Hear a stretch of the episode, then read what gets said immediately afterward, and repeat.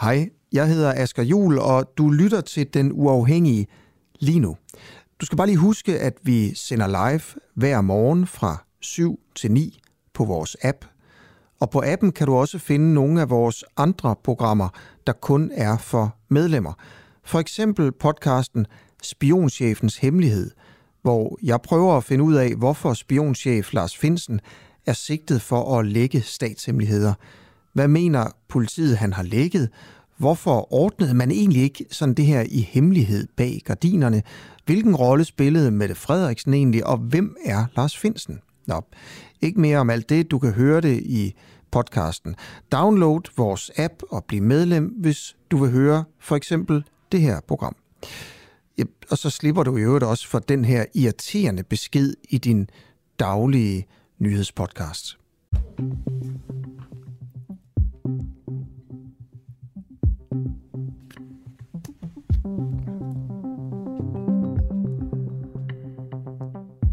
Velkommen til En Uafhængig Morgen med Camilla Boraki og Christoffer Lind.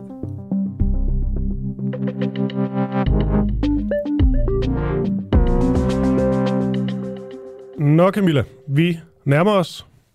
Den 1. juni. Det var det, jeg tænkte på. Det vidste jeg, du tænkte på. Ja. Og hvad gør vi ved det? I dag der har vi rent faktisk... Øh, ej, vi har ikke bare rent faktisk. Vi har nogle gode ting på programmet i forhold til, øh, til denne her øh, afstemning. Kan du ikke lige øh, give os nogle navne? Jo, jeg kan starte med øh, topnavnene.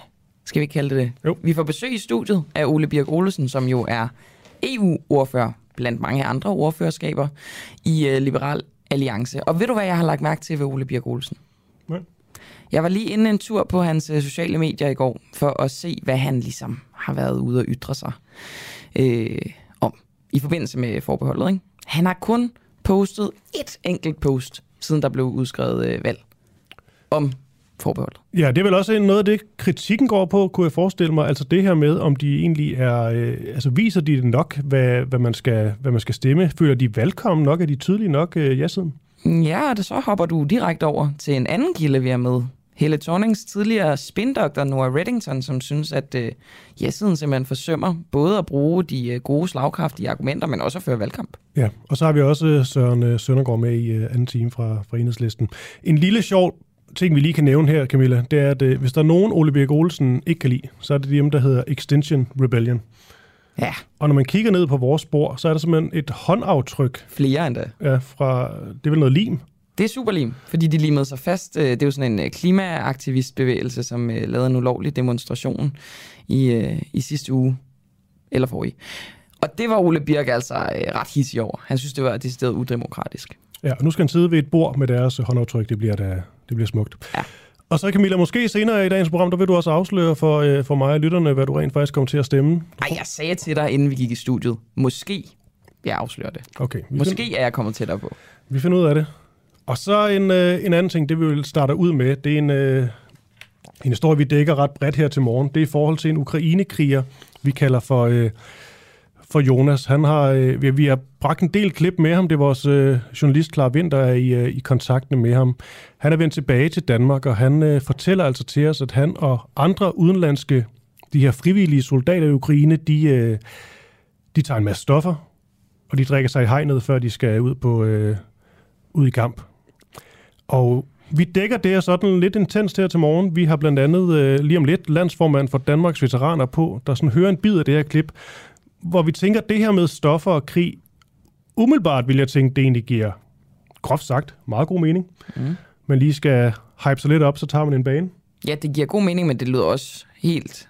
Altså, man skal vel være skarp i hovedet, men det kan også være, at man bliver skarpere i hovedet af at tage stoffer. Det, det er jo svært. Ja, og Sige. Nils Hartvi Andersen her, han øh, vil jo tale ud fra egne erfaringer, men også hvad han ved i forhold til professionelle danske soldater. Altså er det noget, der sker det her med, at man tager, tager stoffer, som man også hørte om i Vietnamkrigen, eller er det altså bare et kæmpe no-go? Mm. Øhm, vi har flere forskellige kilder på til at tale omkring øh, det her bånd med, med Jonas, og vi hører bare en lille del af interviewet, der kommer også lidt i morgen, tænker jeg. Men det vi skal høre her, der fortæller han altså, at hans øh, britiske soldaterkammerater, de havde medbragt øh, ketamin i store mængder. Og ketamin her, det bliver altså bl- blandt andet brugt til, øh, eller som hestebedøvelse. Og det er altså øh, Jonas her. Så folk stoffer? Ja, Hvil- Hvilke stoffer tager man? altså jeg har oplevet lidt forskelligt. Øh, kokain, ketamin, øh, morfin. Øh, Det tager soldaterne? det er faktisk udlændinge, der gør det. Ja, okay. Og Hvor, hvor, hvor får de det fra? Jamen, øh, der var nogle af de britter, sammen med. De kom med kraftet. Altså, de havde nok ketamin til at slå en hel hesteflok ihjel. jo. Men hvad gør ketamin øh, en? Altså, det er meget, meget slående stof. Altså, virkelig. Men, det er da ikke skide smart, når man står i en Nej, men det er... Øh, øh, nej. Men... Øh, ja, men det, det er da mærkeligt noget, men det gør, at de kan holde sig lidt mere. Mhm. Så altså, jeg bebrejder ikke nogen for at tage stoffer dernede. Overhovedet ikke.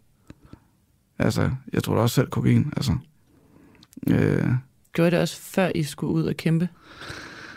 ja, men det er for at holde os vågen. Er for øh, hellere, at, at, at du er let op at køre, end at du er træt. Øh, Hvad sagde ukrainerne til det? de vidste det sgu da ikke. Hvad Øh, tror du, de ville have sagt til det? Tror du, de ville have synes, det var i orden? Ja, jeg tror, de er er bedøvende ligeglade for at helt ærlig. Det, under krigstid i Ukraine må du heller ikke drikke jo. Øh, overhovedet. Men øh, vores kommandocentral var proppet med sprut jo. Og vi var der også inde at drikke. Og, altså, jeg drikker aldrig, heller ikke herhjemme. Så efter seks, af det der, seks shots af det der ukrainske vodka der, altså jeg var, jeg var plørfuld. Var det kun udlændinge også der? Nej, nej, det, det, var, det var også seks udlændinge, og så øh, resten var ukrainerne, ikke? Og de fejrede, at en af dem datter var blevet 25, et eller andet. Det var bare en dårlig undskyldning for at drikke. Øhm, og selvom de kunne se, at jeg var fuld, så blev det ved med at hælde på mig, du ved, fordi så kan jeg få en god nats søvn. Gik det, gik det ud over noget, når I enten tog stof eller drak? Nej, nej, nej, overhovedet ikke. Altså, vi passede det, vi skulle. Øhm, og det er jo ikke sådan, at vi væltede rundt. Men lige så snart du kommer i kamp, du ved, uanset hvad du har taget, det forsvinder. Sådan der. Altså, du kan ikke mærke det. Hvordan tager man ketamin? Øh, de havde nogle piller, så det er faktisk bedøvelsespiller. Men øh, det var de britter der, de havde sat med meget lort med. Var der nogen, der kom til at tage for meget? Nej, nej. Vidste lige, hvordan man skulle gøre. Ja. Jeg tror, de hærdede hjemmefra. Hvordan var, var de sindssyge? Britterne? Ja. Ja, de er jo bindegale. Øh, men nogle gode drenge. Jeg er glad for, at jeg ikke skulle kæmpe mod dem i hvert fald. Hvorfor? Jeg, de, de, jeg ved det ikke. Der er bare et eller med britter. Altså enten så er du kedelig som britte, eller så er du bare kugleskør. Hvordan, hvordan, når de slog russer ihjel, var de mere bestialske eller voldsomme? Eller? Nej, altså... Men de var mere... Øh, jeg, tror, de, jeg tror, de var mere ligeglade, end, end, end jeg var. Øh, så var der også amerikaneren. Altså, han var fucking ligeglad. Altså, han var også politibetjent øh, øh, hjemme i, i staterne. Øh, og har været i mm, marinekorpset. Øh, Nå, Nils Hartvig Andersen, landsformand for øh, Danmarks øh, veteraner. Er der noget ved det, øh, Jonas fortæller, som, øh, som overrasker dig? Øh, Øh, ja, jeg troede ikke, at det var udbredt, øh, som, øh, som Jonas han fortæller, i de ukrainske enheder, altså herhjemme og i alle, i hvert fald vestlige nato her Der er det jo forbudt øh, at, at beruse sig både med alkohol og så især med euforiserende stoffer. Altså, det er det også øh, på dagligdagen hjemme på en dansk kaserne. Altså, hvis der er nogen, der bliver taget med det, så bliver de straffet og mange gange smidt ud af forsvaret, fordi det er jo, øh, som jeg siger, det er jo helt ude i hampen, at folk, der er, de er bedøvet, at øh, man skal gå rundt med, med skydevåben øh, blandt hinanden, og det er jo, tidligere har vi hørt om et vådeskud øh, sammen med Jonas og hans øh, kammerater der, og det kan jo tyde på, at øh, man omgås øh, både skydevåben øh, og det her øh, euforiserende stoffer øh, på, på meget, meget let, letfemmelige måde. Og det kan altså være til fare for en selv og så ens kammerater. Så og det er jo derfor, at man i øh, forsvaret har forbudt øh, euforiserende stoffer. Det er jo simpelthen for at undgå øh, uhensigtsmæssigheder. Så jeg siger, det der, det er helt uhørt, og det viser også, at den enhed, Jonas er i, er formentlig ikke en militær enhed, hvor øh, officerer, befalingsmænd vil, og ansvarlige, kan man sige, øh, konstabler, dygtige professionelle soldater, vil have slået ned på det der med det samme, fordi det, det hænger bare ikke sammen med at være professionel soldat. Men du kan vel heller ikke afvise, at øh, professionelle soldater igennem øh, tiderne har benyttet sig af stoffer i, øh, i krigshandlinger? Øh, nej, nej, altså krigshistorien er helt tilbage fra vikingerne, som øh, drak sig i hegnen, og det ved vi også fra krigshistorien, altså i øh, 2. verdenskrig, hvor øh, også russerne, altså de bedøvede sig, og det gør jo, øh, altså i vodka, og tyskerne beror sig i snaps, og i Vietnam har vi jo set masser af film, hvor de øh, bedøvede sig med, med has og marihuana og alt muligt andet øh, stoffer, men, men når man også ser de film, som afspejler en, en del af virkeligheden, så kan man jo også sige, at det, det er altså ikke noget, der er hvad kan man sige, der, der fremmer øh, overholdelsen af krigens love, og, og det er jo hele tiden det, man skal, man skal leve efter, og så skal man altså, disciplin, det, det gør altså, der skal man altså være skarp i hjernen og ikke være bedøvet. Mm. Det Jonas siger her, det lyder til, at øh, hvad der nu sker i sådan en lille gruppering her, det er måske, øh, hvad det er, det er ikke godt, synes du, men, men sådan at det, det der vel lyder til bekymrer dig, det er, hvis det også er noget, der ligesom spreder sig blandt måske de, de større dele af de ukrainske soldater. Ja, altså, jeg, jeg håber på, at, man, at den ukrainske her øh, og de enheder, som de tager ansvaret for, og, og i, i teorien så har Ukraine jo inviteret øh, de her frivillige udlændinge til, til, til deres land for at kæmpe for øh, Ukraine og frihed. Derfor undrer det mig, at der ikke er nogen øh, overordnet fra Ukraine, øh, også denne kommandocentral, der siger, altså, at vi, det, det, vi det hverken trækker øh, eller øh, ryger øh, eller indtager øh, drugs, mens vi er, kan man sige, tjeneskerne, de er altså i krig.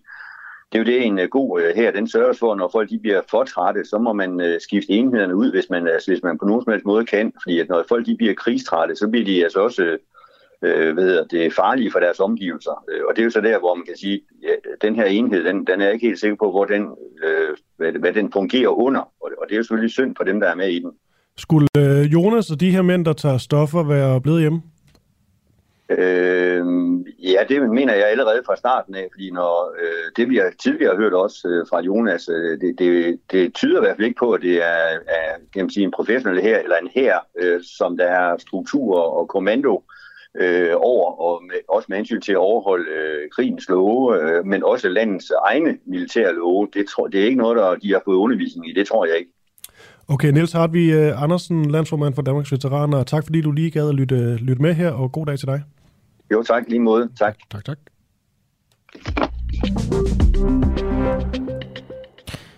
Nu siger jeg lige noget, Christoffer. Ja. Jeg kunne altså godt tænke mig at snakke med nogle lyttere i dag. Ikke bare, altså vi får jo altid rigtig mange gode kommentarer, både på Facebook og på sms'en, og gode spørgsmål til kilder nogle gange bedre, end det vi selv kan finde på. Jeg gad godt snakke med et par lyttere om forsvarsforbeholdet. Ja. Både sådan, hvad de tænker, de vil stemme, men også, nu har vi jo to repræsentanter fra ja-siden og fra nej-siden, mm. i form af Ole Birk og øh, Søren Søndergaard. Så måske, at, mm, at der også er nogen, der vil have nogle svar på nogle spørgsmål fra dem. Så jeg synes bare, at hvis vi må ringe dig op, hvis du sidder derude og godt kunne tænke dig at ytre din mening eller stille nogle spørgsmål, så send lige en sms til 1245, øh, skriv DUAH, et mellemrum, og så øh, din besked. Ja, og man kan også gå ind på vores øh, Facebook, hvor vi livestreamer og kommenterer der. Der kan du også bare skrive, om du stemmer ja eller nej. Øhm, det kan godt være nok, men du må også gerne lige vedhæfte en lille kommentar til, hvorfor. Præcis. Nu øh, kigger vi lidt ind i, om det danske forsvarsforbehold, som vi altså taler om her, overhovedet har virket. Øhm, siden et flertal af den danske befolkning i 1993 stemte ja til, at Danmark tog et forbehold over for øh, EU's forsvarsdimension, så har det været aktiveret. Hvor mange gange, tror du? Nej, du kan se det manus, jeg gider ikke spørge dig. Det har været aktiveret 235 gange. Øh, det viser en ny optælling, som Tænketanken Europa har lavet. Og øh, Jens Christian Lytten, han er beskæftigelses- og integrationsborgmester for Venstre i Københavns Kommune og næstformand i Europabevægelsen. Og Jens Christian, Danmark har brugt forsvarsforbeholdet 235 gange. Kan du nævne nogle eksempler på, hvad det øh, primært har været, der har aktiveret det? Jeg tror, at en af de første gange, hvor det sådan virkelig havde en, en konsekvens, det var jo, da vi trak vores øh, soldater hjem fra Makedonien. Der var jo en, en fredsbevarende operation dernede, efter at de har haft en, en kort borgerkrig i, øh, i 2002, så vidt jeg husker. Øh, og så var der en, øh, først en, en, en NATO-mission, den overgik til at blive en EU-mission. Øh, og da den blev det, og man så at sige bare skiftede farven på kasketterne, så må Danmark så trække sine øh, soldater øh, hjem igen. På trods af, at der var opbakning til, at vi skulle være der, men der havde øh, forsvarsforbeholdet sådan set en meget øh, markant konsekvens. Ja, det, det har du så øh, i dansk kontekst. Jeg sidder sådan og tænker på, at det kan godt være, at du ikke har de præcise tal for det, men ved du, hvor stor en øh, del de danske tropper udgjorde på den mission i Makedonien? Det, det ved jeg ikke, hvor, hvor, hvor, hvor, hvor mange danske soldater vi havde dernede. Men vi har jo altid haft relativt mange på de missioner, som der har været det tidligere Jugoslavien. Der var mange, der også havde med i Bosnien i sin tid i 90'erne. Og den, der var i, øh, i, i Makedonien, øh, der, der tror jeg også, vi havde sådan en relativt stor andel af, af, af soldaterne. Men det gjorde i hvert fald, at der var nogle andre lande, der blev nødt til at levere noget i stedet for Danmark. Og mm. det er jo noget, vi ligesom har haft en, en interesse i, fordi at hvis Makedonien brød sammen, så vil vi jo opleve, at der også kom, kom flygtninge til Danmark, som, som der gjorde, da, da Bosnien brød sammen, og, og da man havde krigen i, i, i Kosovo. Så derfor synes jeg, det var ærgerligt dengang, at uh, man, måtte, uh, man måtte trække sig hjem. Uh, og, og det har man jo også set andre steder, hvor, hvor Danmark ikke kan bidrage. Og Jens, er det primært i de her, fordi det er jo en del af EU's missioner, det er ligesom at, ja. øh, hvad skal man sige, sikre EU-landene imod øh, stærke flygtningestrømme. Her hvor at forbeholdet har været aktiveret, har det været primært i, øh, i missioner, som har skulle øh, sikre os imod flygtningestrømme? Nej, nej, det er det jo ikke, fordi man siger, de her 235 gange, som Tænketank Europa har talt op, det er jo alle gange, hvor det har haft en eller anden fli i forhold til at have noget med forsvar at gøre, hvor Danmark så siger, vi kan ikke være med. Det er jo en beslutning, vi, vi, vi selv har truffet. Det er jo ikke EU, der har, har truffet det. Altså, man kan jo sige, altså, øh, det er jo sådan nogle af de mere spektakulære ting, når Danmark enten ikke kan sende tropper, som vi gerne vil, eller er nødt til at trække en sag. Andre gange er det jo mindre ting, øh, som øh, måske lige er, er svært at se med det, med det blotte øje. Det er jo derfor, der også bliver 235 gange.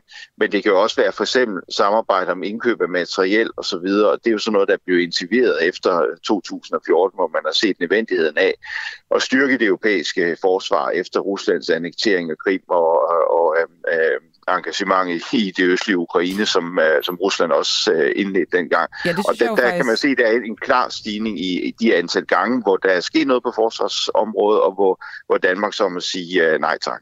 Og det synes jeg faktisk er lidt interessant, det her med, med materiel, fordi der er jo ja. det her EU's uh, forsvars agentur, som ja. vi ja. ikke kan være med i, fordi vi har forbehold. Ja. Vi kan godt bidrage ja. økonomisk, fordi det går ind under øh, industri og handel. Ja. Øhm, hvor er det ligesom, at du tænker, fordi når man er med i agenturet, så kan man være med til at fordele den her pulje af penge. Ja. Hvor er det, Danmark skulle have været med til at fordele pengene anderledes? Jamen, det er jo ikke nødvendigvis, om vi skulle være med til at fordele det anderledes. Det er jo lidt svært at sige, om vi ville have stemt anderledes og sådan noget, men det har jo selvfølgelig en betydning, om Danmark er med og, og har indflydelse på, på det her område. Hvis vi bare bidrager økonomisk, men vi ikke kan være med til at træffe beslutninger, så står vi jo selvfølgelig udenfor, og så kan vi jo ikke løfte danske, danske interesser. Man må også sige, nu når et, et bredt flertal i Folketinget har sagt, at vi vil øge øh, udgifterne øh, på, på forsvarsområdet, men ikke har sagt, hvad vi bruger dem på, øh, så er det jo en, en fordel, at man er sammen med nogle andre lande om, omkring for eksempel indkøb, fordi ellers så bliver det lidt blinde, og man risikerer, at man kommer til at betale øh, for meget for de ting, man indkøber hvis at man ikke gør det i fællesskab med andre.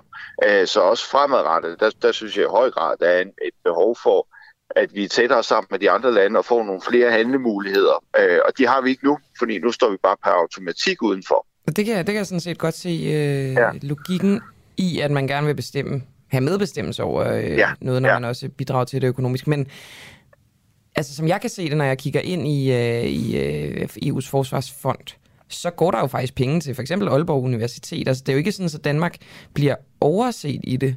Så hvad er det konkret, vi kunne gøre, som kunne styrke øh, Danmark, hvis vi var med til at bestemme over det? Andet end på det her sådan lidt mere symbolske plan, som du snakker om, at vi skal have medbestemmelse. Jo, men det er jo også det er jo ikke bare symbolik, når man har medbestemmelse. Så har man jo også mulighed for at, at sige, hvad er det for nogle ting, som, som tjener danske interesser. Der og er hvad klar, er det for der, nogle ting? Der, det er det, jeg gerne vil have, du bliver ja, lidt konkret men, på. Hvor, men det, hvor vil du gerne allokere pengene hen, hvis vi havde jamen, altså, for, eksempel, altså nu et helt konkret uh, tilfælde, det er jo for eksempel, at, at Letland har sagt, jamen, uh, vi vil egentlig gerne lave en, en mission i Ukraine i forhold til, til minerydning det er jo noget, der ligger i, i dansk interesse, at, at man, man ligesom rydder øh, området i Ukraine, også sådan at ukrainerne de kan vende hjem igen på, på en tryg måde. der kan Danmark faktisk ikke være med øh, til den mission. Øh, og det må vi allerede sige til nu. Det, det, det kan vi ikke, på trods af, at det er lige præcis sådan noget, Danmark faktisk gerne vil. Minerydning, de her former for, for bløde missioner, som er fuldstændig ukontroversielle. Og det, der så gør det kontroversielt, det er, at vi selv har valgt at tage et, øh, et forbehold for, for 30 år siden. Det synes jeg sådan set er et meget konkret tilfælde på, på noget, hvor, hvor Danmark ikke kan være med, og hvor det går imod danske interesser, fordi vi selv har lavet et, øh, et forbehold. Men at, taler vi også investering der, eller taler du en konkret mission? Det er, det er en konkret mission. Uh, I forhold til, til investeringer, det, det er jeg simpelthen ikke ekspert på, hvad, hvad det er, vi vil gøre anderledes. Uh, men jeg synes jo bare, at vi har en forpligtelse, når vi sender penge afsted, at vi også har en medbestemmelse over det. Uh, man kan sige, at det er jo også forskel på, hvad, hvad vi har af interesser i, i, i vores nærområde. Man kan sige, at Danmark er en søfartsnation. Uh, vi har en, en lang kystlinje. Det gør selvfølgelig, at vi har øh, andre interesser i for, forhold til hvordan man, øh, i forhold til forsvar end for eksempel i, i lande som ikke har nogen øh, kyststrækning og ikke interesseres for det. Det kunne være, være et eksempel på noget hvor, hvor Danmarks interesser er lidt anderledes end, end nogle af de andre EU-lande. Og det kan man sige, den slags ting kan man jo ikke forfægte, når man selv har valgt at, at, at stå uden for, for beslutningerne. Okay, så øhm, altså de her 235 gange, hvor forsvarsforbeholdet har været aktiveret, det, øh, ja det har, har, har der været nogen, hvor du har bemærket sådan, der var det måske meget godt? At vi ikke var med, eller hvad? Ja. Nej, det vil jeg ikke sige, fordi at det der netop er, at altså, forsvarssamarbejde er jo et mellemstatsligt samarbejde. Øh, så det, det betyder jo også, at det er jo ligesom, øh, når man beslutter noget, så er det i, i enstemmighed, man gør det, så det er jo sådan meget, meget pragmatisk samarbejde på den måde. Øh, man kan selvfølgelig sige, at nogle gange, når man også beslutter ting i enstemmighed, så er det jo også i praksis, man lytter lidt til, hvordan flertallet er osv. osv. Men jeg vil ikke sige, at der er nogle tilfælde, må sige, at det vil gå direkte mod Danmarks interesser at være med i, i det her samarbejde, fordi det, fordi det er mellemstatsligt meget, hvad skal man sige, øh, konsensuspræget lige præcis den her del af EU-samarbejdet. Og en del af andre dele af EU-samarbejdet, det er overstatsligt, der, der er det med flertal, mm. men det er det jo ikke på, på, på det her område her. Øh, og det er jo også derfor, at der er så mange fordele ved at, at gå med ind i samarbejdet, fordi man risikerer ikke at, at blive stemt med den ene gang efter den anden, fordi det har den karakter, som det har. Prøv at høre, øh, Jens Christian Lytten. Øh, der står to ting mere på mit manus. At du har en skarp bagkant klokken 7.20. Ja, og der står også, at jeg skal spørge, hvad du stemmer men det gider jeg ikke, fordi det tror jeg er åbenlyst for alle. Men, men så, jeg kan jo godt lige gentage, at jeg stemmer ja, trods alt, hvis det der sidde en lytter og være i tvivl. Ikke? Ja, så, ja. ja, det er godt. Jamen, øh, så vil jeg slippe dig nu. Tak, fordi du var ja, med. selv tak. Tak, fordi jeg var med. Hej. Hej. Altså... Yes. Beskæftigelses- og integrationsborgmester for Venstre i Københavns Kommune og næstformand i Europabevægelsen. Det er man jo nok heller ikke, hvis man ikke synes, at øh, det er en god idé at afskaffe forbeholdet. Nej, men tænk, Susanne sagt nej. Det havde været fedt. Så har det været en historie. Bang, bang. Ja, klokken er blevet 21 minutter over syv. Og Camilla, jeg læste en, øh, en kronik i går i Dagbladet Information. Rusland vinder krigen, hvor støtte til Ukraine bidrager kun til mere død og ødelæggelse. Bang. Der er svung på, ikke? Jo. Men det, jeg synes, der gør den er rigtig interessant, den er skrevet af Jakob øh, Skornborg. Han har været øh, ansat ved Forsvars efterretningstjeneste i sådan 26 år, eller noget den dur. Det er, at han simpelthen går til angreb på øh, på flere af sine kollegaer. De her militærkyndige folk, som vi jo har talt rigtig meget med i seneste par måneder. Altså dem, jeg ynder at kalde for fagsjakket. Folkene fra Forsvarets Akademiet, ikke? Altså Kenny Buhl, Peter Vigo. Alle de der. Måske. Altså det må vi jo lige spørge om, om det er dem, han mener. Men det kunne man... Det lyder ja. sådan, ikke? Jo, jeg vil bare gerne lige læse en kort del af det op. Gør det. Lad nu følelserne og sympatierne hvile et øjeblik og kaste et nøgternt blik på den militære situation, du kære ekspert og kollega. Tjek dine kilder en ekstra gang og vurder i hvor høj grad din viden alene bygger på oplysninger fra det ukrainske forsvarsministeriums presseafdeling. Det er ikke ligegyldigt, hvad du siger og skriver. Vi lytter alle sammen, og vi regner med, at du som ekspert ved, hvad du taler om. Altså han mener jo simpelthen, at øh, følelserne er taget over selv for de her øh, burde være nøgterne eksperter. Altså, at de ligesom lidt sælger historien om, at det går godt for ukrainerne. Han mener simpelthen, at det er, det er lodret løgn. Der er ikke nogen chance for ukrainerne. Rusland vil i det lange løb vinde og vinde det hele uden nogen øh, problemer. Det er jo selvfølgelig også en... Jeg vil sige det. Jeg vil bare sige, at det er jo, det er jo hvis han har ret, ikke? Viden er jo magt. Det er det, man siger. Og man skulle da tro, at hvis samtlige eksperter gik ud og sagde, ukrainerne har absolut ingen chance for at vinde krigen, så kunne det jo sikkert også have noget, altså, det kunne sikkert godt påvirke politikerne. Hmm. Tror du ikke det? Jo, jo, absolut. Jamen, ja, okay. Så det er, det er ret vigtigt, det her. Ja, man kan sige det også i forhold til meget af det, vi har fokus på. Det er bare i forhold til sådan noget som øh, journalistikken. Jeg var lidt ude efter politikken. Øhm, I forhold til at lade, lade Lasse Linsky øh, tale, og det her med at måske ikke sådan helt faktatjekke de ukrainske øh, kilder, og være sådan lidt naiv, øh, fordi at det er dem, man øh, holder med.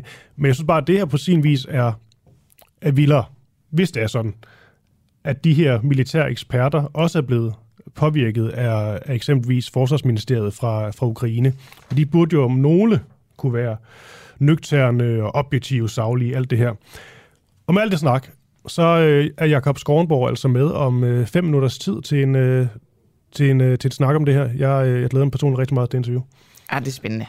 Men altså, det er jo også, det er jo en mod mange, kan man sige, så han skal have argumenterne med sig, ikke? Det vil man sige.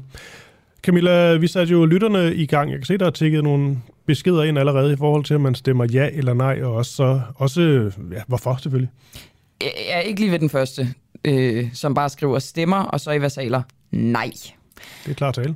Og øh, så skriver Gitte Johansen, absurd at danskerne bliver spurgt igen og igen. Vi har stemt nej af en grund, og det burde respekteres lige så vel som et ja var blevet. Det er jo også en pointe, men der er vel også en pointe i, at verden øh, ser anderledes ud, øh, end den gjorde i start 90'erne. Jeg synes hele den der pointe med, hvordan verden ser ud, er nu, også øh, efter Putin og alt det her. Øhm, det synes jeg er ret spændende. Altså, hvorvidt det er det, der skal påvirke eller ej. Jeg synes, den, den debat, den, jeg har faktisk lidt svært ved den. Ja, det har jeg da også. Også det fordi det overrasker mig lidt til den første øh, sådan partilederrunde, hvad man nu siger, at Mette Frederiksen altså tog det som hovedargument. Mm. Altså det var det virkelig. Hun sagde bare, at der var et før og efter krigen øh, i Ukraine. Og hvis øh, hende og Trine Bramsen og så videre har været lidt vage i forhold til, om det er et, øh, om de er på ja eller nej siden, så er der ingen tvivl nu på grund af det, der er sket. Men er det virkelig derfor? Er det så det, der er argumentet for at stemme, stemme ja, at der er krig i Ukraine? Ja, jeg, jeg, jeg vil gerne, jeg, jeg, det har jeg sagt mange gange, jeg vil gerne prøve at, at, at gå i dybden med det argument. Fordi jeg synes, det lugter langt væk af, af patos, og det er meget ukonkret. Hvordan er det lige præcis, at vi dels skulle kunne have hjulpet ukrainerne bedre ved at være med i, øh, i forsvarssamarbejdet, og hvad er det for en uh, trussel, og så op imod den beskyttelse, vi vil få i, uh, i EU-samarbejdet? Ja. Jeg har lige et, øh, en nyhed i den lille afdeling, men det er simpelthen bare, fordi den er også er morsom. Ja. Nordkorea hævder, at coronaudbrud er under kontrol. Okay. Det er bare altid, når der står noget om Nordkorea, så er man sådan lidt... Ja, jo. Hvad er kilden? Der står, Nordkore- nordkoreanske myndigheder mener, at landets første bekræftede coronaudbrud er under kontrol, og at smittetallene er på vej ned. Det skriver det statsstyrede nyhedsbureau KCNA. I alt har 68 personer mistet livet siden udbruddet start den 12. maj. Så øh, WHO, de ser ikke noget behov for masse vaccination mod abekopper. Og det er jo egentlig også lidt tråd med, med det, vi talte om med, med Randrup i går, der er biolog, som sagde, at øh, ro på. Det bliver ikke det nye covid, det her. Verdensorganisationen WHO, de mener, sundhedsorganisationen, det var svært at sige, WHO mener ikke, at der er behov for masse vaccination mod abekopper, efter at sygdommen er begyndt at sprede sig uden for Afrika. Det skriver altså nyhedsbureauet Reuters. Og så var det jo i går, at det første tilfælde blev fundet her til lands. Jamen, jeg kan næsten ikke overskue det. Og så, så kan det godt være, at Allan Randrup og ham, altså dygtig ekspert, som man jo stoler på, men hvad sagde han om dødeligheden? Den var ikke så høj. Nej. Kan du huske noget specifikt procent? Det kan jeg ikke, men det var, altså, vi skulle simpelthen tage det helt roligt. Og heller ikke sådan noget med så smitsom og muterende og alt muligt skidt. Til gengæld læste jeg, ikke, at hvis man får det, så skal man jo være i sådan en isolation mellem to til fire uger. Og jeg må bare sige, at jeg har været i corona-isolation i op mod tre uger på et tidspunkt. Jeg var ikke rigtig mig selv længere bagefter. Og det, det ved jeg godt, det er meget sådan en ego ting, men, men det er så, hvis jeg ikke skal frygte selve sygdommen som en pandemi, så kan jeg da i hvert fald frygte min personlige isolation, skulle det ske, at jeg fik abekopper. Ja. Jeg synes bare, det lyder længe. Synes du ikke det? En måned i isolation? Jo, jeg prøvede aldrig at opleve det. Nej, nej, Bare du er sådan uh, ultra, ultra immun. Ja. Jeg har lige en enkelt mere øh, en, en, altså, nyhed og nyhed, men det er fra, øh, fra Fagbladet Journalisten, jeg synes er ret interessant. Det er ombudsmanden, der udtaler sig. Statsministeriet bøvler fortsat med at overholde tidsfrister. Statsministeriet er fortsat ikke i mål med at overholde tidsfristerne for behandling af anmodninger om agtindsigt. Åh, dybt chokerende, var. Det er jo ikke noget, vi oplever selv overhovedet hver eneste dag. Det slår Folketingets ombudsmand Niels Finger fast i en pressemeddelelse. Jeg kan konstatere, at statsministeriet har oprustet sine ressourcer på området og arbejder på at nedbringe sagsbehandlingstiderne, men ministeriet er stadig ikke i mål. Derfor vil jeg fortsat følge udviklingen i statsministeriets behandling af aktindsigtsanmodninger. Det siger. Ved, ved du hvad? Ved du hvad? Det gør mig faktisk virkelig, virkelig sur. Fordi hvis der er Kom noget, som... Jamen, du ved, vi har en offentlighedslov, en mm. omdiskuteret offentlighedslov, som ligesom blev, øh, blev vedtaget i sådan start 10'erne. Og den strammer jo til i forhold til at kunne søge agtindsigt. Ikke? Det kan man jo så øh, diskutere, det er det blevet gjort. Men det har i hvert fald altså lukket øh, centraladministrationen om sig selv fuldstændig. Og at de agtindsigter, vi så kan få, de få, vi kan få, at det tager længere tid, end det må. Det er jo absurd. Mm. Er det ikke et kæmpe demokratisk problem, eller hvad? Er du i chok, fordi jeg hisser mig op? Nej, overhovedet ikke. Jeg kan godt lide, at du hister op. Jeg synes, det, det, det, øh, Men altså, er, er det et kæmpe demokratisk problem? det synes jeg det er. Men der bliver også gjort noget for det.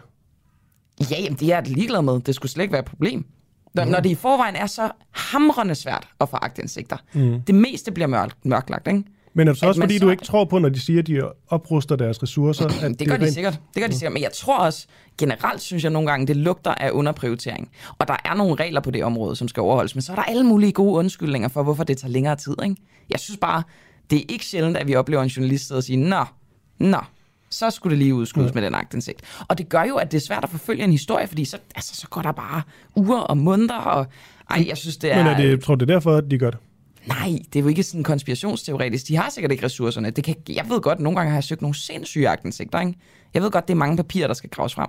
Men så må der komme flere ressourcer på. Alright. Eller også må det blive mere gennemsigtigt. Så må de lave loven om. Det tager også, ved du hvad, det tager mange ressourcer, fordi loven er så sindssyg. Så må de lave mere åbenhed. Nå, nu begynder jeg at få det helt varmt, fordi jeg bliver hissig. Og med det blev klokken 7.30. Overtrum for følelserne fornuften, når de danske militære eksperter udtaler sig om krigen i Ukraine.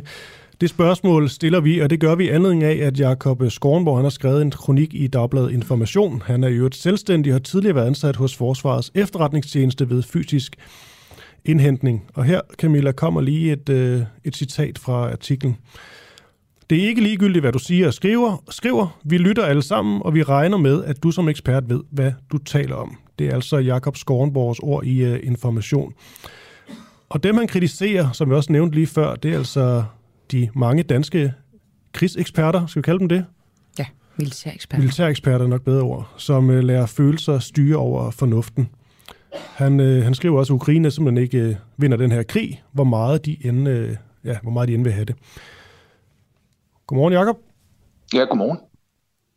Kan du ikke lige øh, forklare os, hvor de danske militæreksperter, de, øh, de særligt tager fejl? Ja, det er ikke fordi, de særligt tager fejl noget specielt sted. Det er mere øh, en generel tendens til, at fordi at der er så meget jubel omkring den her ukrainske øh, modstand, og den har vi jo alle sammen. Vi synes jo, det er fantastisk, at de har klaret sig så godt, som de har gjort. Så er tendensen, at øh, man gerne vil have, at de vinder, og derfor så, øh, som jeg siger, så er det ligesom udgangspunktet for, for, for det, som man, øh, man udtaler. Men de her eksperter, du, øh, du taler om, de burde vel ikke øh, lægge sig op af en eller anden tendens eller folkestemme. Nej. De burde se helt nøgternt på det. Ja, og det vil de selvfølgelig også sige, at de gør. Det er jo, det er jo grove løjer, når jeg beskylder dem for det her, mm. så jeg beklikker dem på deres faglighed. Og det gør jeg øh, primært, fordi at jeg synes, at tendensen, når jeg har kigget igennem og har set dem på, på fjernsyn, at så har det været øh, en relativt ensidig dækning af det. Og øh, jeg argumenterer jo for, at tingene ikke er på den måde i, øh, i min artikel, som jeg skriver. Ja, kan du ikke lige uddybe øh, det, Jacob? Jo. Fordi Jo. øhm, man kan sige, det er jo militære analytikere, det her. Det er også nogle af dem har også selv været på, på slagmarken, har det der overblik der. Øh, Ja. Så kan du ikke lige sige, hvad det er, du øh, kan bruge som modargument, for at situationen ikke ser sådan ud, som de siger? Jo, øh, det som jeg taler om, det som jeg siger, at øh, den store ting, det er, at øh, ja, russerne de tumlede rundt i, i starten af krigen, og de forsøgte sig indledningsvis med, med det, som vi kalder i et kup, altså sådan et overraskelsesangreb, øh, og rykkede frem med flere linjer, og det gik helt galt for dem. Så rykkede de tilbage i relativt god orden, og har fokuseret på den østlige og den sydlige del af, af Ukraine. Og her har de en kæmpe fordel, og den fordel det er, at de er meget tættere på frontlinjen, end ukrainerne er. Og når jeg siger, at de er tættere på frontlinjen, så er det fordi, at de skal have bragt øh, forsyninger frem til frontlinjen, altså det, som så kedeligt hedder logistik, øh, det, det skal de bragt frem til frontlinjen, og den, den afstand, de skal transportere, den er meget kortere. Og jeg ved godt, at det her det er dødssygt, men det er, det er jo sådan en ting, som er meget vigtig i moderne militær. Øh, netop fordi, at når vi taler om en krig som i Ukraine, så er det jo ikke ligesom en krig i Afghanistan. Der, der, der var det meget en stor politioperation, hvor det var, at øh, vi forsøgte at ligesom skylle øh, modstanderen ud fra civilbefolkningen. Her er vi tilbage, altså i Ukraines situation, er vi tilbage til noget, som i meget, meget højere grad minder om sådan en klassisk øh, krig, hvor det er, at vi, vi har modstandere, der er gravet ned i skyttegrave og som skyder på hinanden. Og i den situation, jamen, der vinder de mennesker, som kan få placeret mest ildkraft øh, over de andre. Øhm, og det vil sige, at hvis der du har mest øh, artilleri, jamen, så vinder du i den mm. sidste ende. Og det er det, jeg argumenterer for, at det har russerne altså. Og de kan få bragt meget mere artillerier og specielt ammunition frem til fronten, end ukrainerne kan. Men køber du slet ikke de, øh, de argumenter, som jeg egentlig også tror, at øh, nogle af de militæranalytikere, de vil bringe i spil? Sådan noget som, at øh, Ukraine et er på, har en såkaldt hjemmebane fordel, og to, de er måske meget mere kampklar. Altså, de er fuldstændig villige til at gå i døden for det her, mens de her måske lejede russiske soldater ikke har den helt samme villighed til at, til at dø for, for landet, groft sagt. Jo, jo, det køber jeg helt klart. Desværre er det bare sådan, at i moderne øh, krig, altså der er det maskinen, der vinder over manden. Og det kan være, at man har, alt, man har alt den vilje til at vinde, som det overhovedet skal være, men det hjælper ikke så meget, når man ligger nede i sin skyttegrav og for stor afstand bliver bombarderet med artillerigranater. Og hvis det er, at øh, russerne, som ikke har specielt meget lyst til at være der, de står på, på 10 km afstand og skyder 155 eller det er så 152 mm granater af i retning af ukrainerne, det, øh, det er de nok ikke så kede af. Mm. Når du siger vinde krigen, er det så den... Fordi nu taler om lidt om, hvor det måske det kender med, at Zelensky øh, bøjer sig lidt og så laver et kompromis og giver nogle øh, regioner væk, øh, igen groft sagt. Men taler du så om den totale sejr, altså hvor eksempelvis også øh, Kiev øh, bliver ja, jævn med jorden, groft sagt? Nej, nej, nej, slet ikke, slet ikke. Jeg tror i virkeligheden ikke, at øh, russerne på noget tidspunkt har været interesseret i at besætte hele Ukraine. Altså det giver ikke rigtig nogen mening. De har, de har rigeligt med, med jord, så at sige, så, som de skal kontrollere. Så det ville bare være helt skørt at sætte sig ind i en situation, hvor du havde en potentiel øh, modstand mod sig hele tiden. Øh, og det mener jeg, der har, der har eksperterne set rigtigt, at det at besætte Ukraine og så holde det bagefter, det er næsten håbløst. Okay. Du skriver... Men, ja, men, men, men, ja. men jeg vil gerne fortsætte, altså det, det som så, jeg så ser som, øh, hvad hedder det, russernes øh, slutmål her, det er den østlige del, altså Donbass-regionen, som de ligesom får indlemmet, og så den sydlige del også, øh, ud til Sortehavet. Og spørgsmålet er så, hvor langt de har tænkt sig at gå i den forbindelse, om de vil tage hele Sortehavskysten, eller kun det, som de allerede har taget nu. Det ved jeg ikke.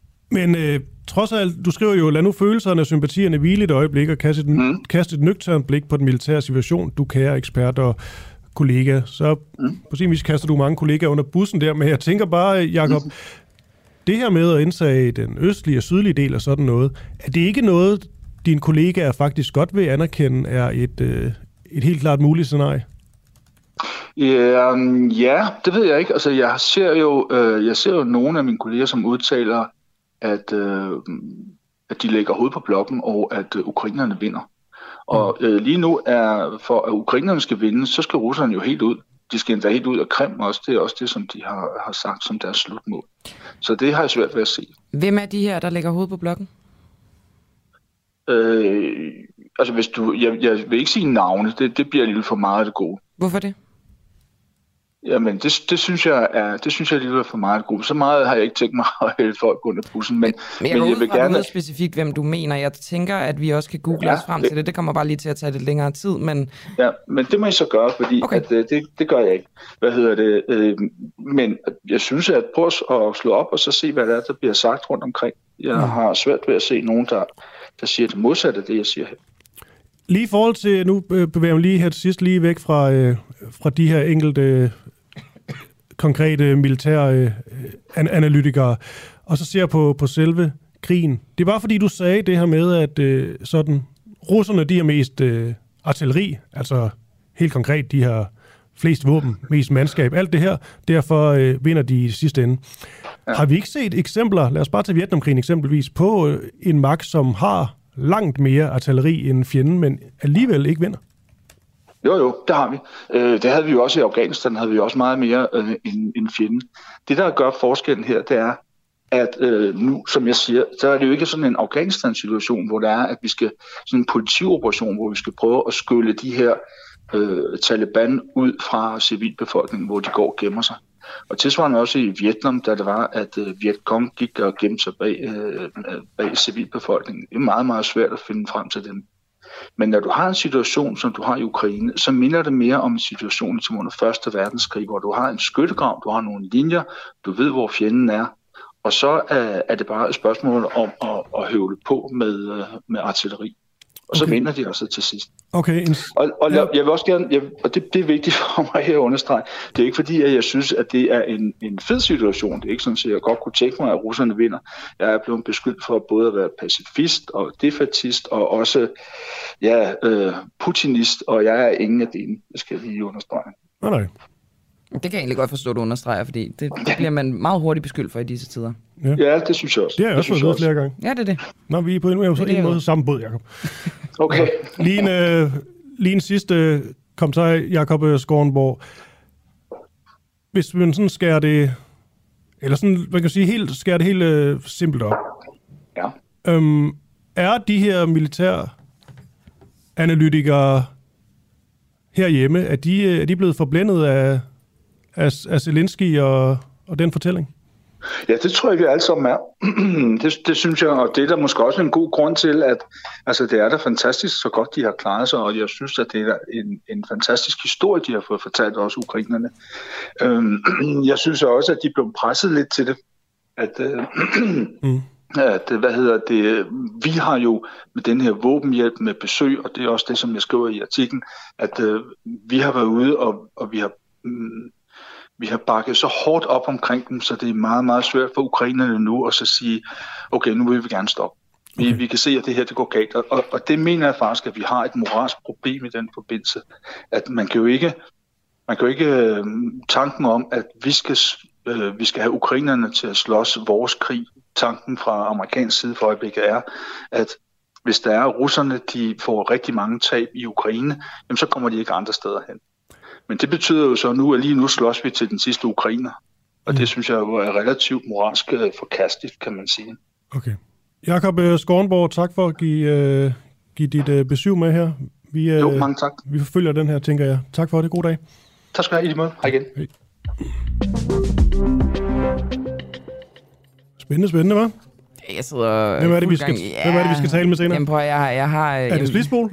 det, er det? Jamen, prøv, så vidt jeg kan se, så har Splidsbol sagt sådan relativt utvetydigt, at han tror, at øh, Ukraine vinder krigen. Der er selvfølgelig en... Øh, hvad skal man sige, flere nuancer i det. Men det kunne godt være det, som, øh, som Jakob Skovenbo Borg hen, henviser til. Jeg har dog lige skrevet til Splidsbol, og han har hverken set debatten, og har heller ikke tid til at være med. Så desværre. Jeg har også skrevet til Claus Mathisen. Jeg skal nok prøve. Peter Viggo? Peter Viggo skal jeg nok også prøve. Han brænder sig faktisk af i går. Eller i forgårs. I går. Mm. Er der egentlig nogen øh, kvinder i det der chak? Ja, det er der. Men det er, altså, de fleste af de her har jo været sådan øh, militærfolk selv. De har ligesom den der øh, todelte ting med at være hands og også være teoretiske. Mm. Øhm, og der er ikke så mange kvinder, der har den, den todeling, som jeg øh, lige kan se det. Og klokken den er blevet øh, 7.42, kan jeg se. Vi startede programmet med at spille sådan et lille bånd med øh, en dansk ukrainekriger, der hed Jonas, der vendte hjem, der talte om øh, alle de stoffer, de tog. Øh, det var han i hvert fald var. Øh, han nævnte blandt andet kokain selv, tror jeg nok, men så også ligesom ketamin, der er sådan lidt øh, sløvende. Tror du ikke, det er for sådan at komme op i gear, når man er træt, og så ned igen, når man øh, skal sove? Jo, det kan også være noget med, at man bare gerne vil være helt øh, følelseskold. Cool, calm and collected. Ja, men det vi også lige skal med, det er, at vi, øh, vi senere har en øh, Henrik Rindom, hedder han, der ved alt om øh, narkotiske stoffer og misbrug osv., til ligesom at tale om, også hvorvidt de i hovedet Altså virker det? Har de nogen effekt? Hvad kan man bruge dem til? Øhm, og det er jo ikke sådan en guide til at tage stoffer i krig, men altså, det får lige at få en ekspert på også. Men så har vi også en anden mand, som har været i Ukraine øhm, og været i kamp flere gange i sit liv, som simpelthen har hørt nogle af de her bånd med Jonas, og altså betvivler noget af det, han siger. Og det er bare vigtigt at have med, fordi ja, Jonas han øh, har et andet navn, men han, han findes, og vi har øh, optagelser, vi kan også lægge nogle ud på et tidspunkt med ham i øh, krigssituationer, så der er ikke noget der. Men hans fortælling, den står jo også for egen regning, og hvorvidt han digter eller ej, det ved vi jo ikke. Nej, det er rigtigt. Det er bare vigtigt at have med på en eller anden måde, når vi ligesom prøver at dække krigen så sandfærdigt som muligt. Men han, han er altså på senere også. Og Camilla, nu bliver det noget, nu bliver det noget ganske andet. Ikke? Peter Marstal, Gud ja, Peter Marstal, han har, øh, han Eller har hvad? overvejet noget. Nej, jeg, jeg tror egentlig, at du skulle øh, gå direkte over til øh, Henrik Random, som er, som er overlæge, og snakke om de her stoffer. jamen det kan, vi godt, det kan vi godt gøre. Og jeg tænker, det her bånd med Jonas, behøver vi ikke at spille det hele af igen. Spil måske lidt af det. Skal vi det? Ja, det tror jeg. Okay. Og det er altså Jonas, som har været i uh, Ukraine og slås nu uh, vendt tilbage til, uh, til Danmark, som taler om uh, de narkotiske stoffer, de indtager der, hvor han har kæmpet. Så folk stoffer? Ja, Hvil- Hvilke stoffer tager man? altså jeg har oplevet lidt forskelligt. Øh, kokain, ketamin, øh, morfin. Øh, Det tager soldaterne? det er faktisk udlændinge, der gør det. Ja, okay. Og Hvor, hvor, hvor får de det fra? Jamen, øh, der var nogle af de britter, sammen med. De kom med kraftet. Altså, de havde nok ketamin til at slå en hel hesteflok ihjel. jo. Men hvad gør ketamin øh, en? Altså, det er meget, meget slående stof. Altså, virkelig. Men... Det er da ikke skide smart, når man står i en Nej, men det er... Øh, øh, nej. Men... Øh, ja, men det, det er da mærkeligt noget, men det gør, at de kan holde til lidt mere. Mhm. Så altså, jeg bebrejder ikke nogen for at tage stoffer dernede. Overhovedet ikke. Altså, jeg tror da også selv kokain, altså. Ja, jeg tror også selv kokain, siger han her. Og nu ville vi jo gerne have haft uh, Henrik uh, Random på, som er overlæge og ekspert i stoffer, men uh, han tager også ikke telefonen, men vi prøver lige igen, fordi nu spørger Clara jo også ligesom ind til uh, ketamin som konkret eksempel. Mm-hmm. Øhm, hvorfor gør I det? Hvad, hvad gør det godt for? Det er jo meget rart at høre en øh, ekspert for, fortælle det, altså, om det rent faktisk har nogen brugbar effekt. Og også noget andet, som jeg stussede over ved det her bånd, nu ved jeg ikke, om vi nåede at høre det, men han siger jo også, at, fordi Clara spørger ind til, hvad, øh, hvordan har det så øh, aftryk på, når I så er i, øh, i kamp? Nå, men så kan vi ikke mærke det. Altså, så forsvinder al effekt. Og er det, kan det virkelig være rigtigt? Jeg ved jo godt, at det er jo sådan noget, man siger, når man er rigtig fuld, og der så sker en krise, så bang, så bliver man ædru. Er det det samme her? Mm. Kan man så ikke mærke, når man har sniffet kokain, hvis man øh, kommer i sådan en åben Ja. kamp? Jeg ved det ikke. Nej, men det er jo det, man gerne vil spørge Henrik Men, Random men om. til gengæld så sad jeg lige og læste lidt op på, øh, på Vietnamkrigen. Jeg har noget med den krig. Jeg, Ja. jeg så også den der dokumentarserie på, var det 12 timer? Jeg tror, jeg så den fire gange. Jamen, det var også det første, du begyndte at tale om i morges. Jamen, der er bare sådan nogle ret vilde tal fra, øh, fra det amerikanske forsvar fra 71, øh, mener jeg det er, hvor de sådan, øh, har spurgt soldaten ind til, om de har taget stoffer. Så tror jeg 50 procent taget øh, marihuana. Vi er 71, det er måske, det giver god mening. Mm. Men så er svaret vist også i forhold til psykedeliske stoffer under krigen. Det er over 30 procent, der har taget LSD og den slags. Det igen, vi er 70'erne, men psykedeliske stoffer i en krig. Wow. Det er svært at se den gavnlige effekt af at være øh, på LSD i en krig, ikke? Det er jo sådan noget med farver og alting udvider sig og sådan noget, ikke? Jo. Men har du set der Apocalypse Now? Nej. Oh, det er sådan, det er krigs LSD, øh, krig- krig på LSD på den måde. Og så, så må jeg lige spørge dig, øh, fordi jeg har engang læst en øh, skønlitterær roman, godt nok, om øh, Vietnamkrigen. Der er det sådan noget med opium. Ja, men det er også en stor ting. Okay. Og der var også rigtig mange soldater, som faktisk blev hængende, og simpelthen bare blev øh, junkier i, øh, i Saigon og sådan noget efterfølgende. Puha. Ja. Camilla, vi prøvede jo, fordi vi talte med Jakob Skornborg øh, lige før, som øh, ikke er imponeret over sin, øh, sin kollegaer. Faktisk kan vi godt sige, at han kaster dem sådan lidt under, under bussen i forhold til, hvordan de har afdækket denne her Ukraine-krig, hvor de øh, virker sådan lidt for positivt stemt over for Ukraines øh, vinderchancer. Han skrev skriver blandt andet, at øh, lad nu følelserne og sympatierne hvile et øjeblik og kaste, kast et nøgternt blik på den militære situation, du kære ekspert og kollega. Da du så spørger ind til, hvem er de her personer? Kan du nævne nogle navne? Så svarede han, Nej, det ville han ikke. Det, det tror jeg, det synes han alligevel var... Jeg tror, han synes, at hans kritik i forvejen var øh, ret slagkraftig. Lige måske til grænsen, ikke? Og så øh, ville det være lidt for meget at udpege med navn. Men altså, som jeg sagde, det kan vi jo bare google os frem til. Jeg er i fuld gang. Ja. Flemming Spidsbol er en af dem fra øh, Dansk Institut for Internationale Studier. Ja. Men han kunne ikke være med. Det kunne til gengæld en, som også er en del af fagsjakket, ikke? Claus Mathisen. Ham bruger vi hyppigt her. Jeg ved ikke, jeg skal lige uh, google lidt videre på, det er jo sådan lidt uh, at lave programmet undervejs, det her vi er gang i. Men, men jeg skal lige google frem, hvad Claus Mathisen helt konkret har, har sagt, fordi det er jo interessant, hvis han også har uh, konkluderet, at Ukraine vil vinde krigen. Ikke? Men ellers så må vi bare bruge ham til at ligesom spørge om, han synes det er rigtigt, at følelserne tager over. Hvor følelsesmæssigt involveret han selv føler sig. Mm. Men han er altså med senere, Claus Mathisen? Ja, det er han klokken 10 minutter i uh, 9. Det er perfekt. Lige før vi taler med øh, Peter Marstal, vores øh, kollega her på, øh, på kanalen, om noget altså ganske andet. Det er noget med... Altså mit første spørgsmål i manus lyder, beskriv stripshowet. Og det er, noget, det er noget med Aarhus, og det er noget med en masse bajer, og er det studiestarters? Kapsejlads, tror jeg. Ja, mm, ja det, det, tror jeg, det, det bliver meget, meget, meget sjovt, tror jeg. Men før det kan vi lige sige, Camilla, vi har jo sådan en øh, øh, kampagne, der kører. Vi vil gerne have 1000 nye medlemmer. Yes. Jeg tror, vi er på lidt over 200. Yes. Så der er et stykke vej nu. Det kan man sige. Og den udløber ganske snart, men altså, øh, vi vil bare gerne have nogle flere medlemmer. Og det der er, hvis man signer op nu, så får man altså 14 dage gratis. Hvor man så kan høre øh, alle de programmer, vi har bag øh, betalingsmur blandt andet. Man får også et nyhedsbrev, jeg kun kan anbefale, der hedder Azure, som simpelthen bliver lavet sådan, at når vi er færdige med at sende her, så sætter vi os til møde, og så øh, taler vi om, hvad var de bedste historier, de mest øh, skarpe citater.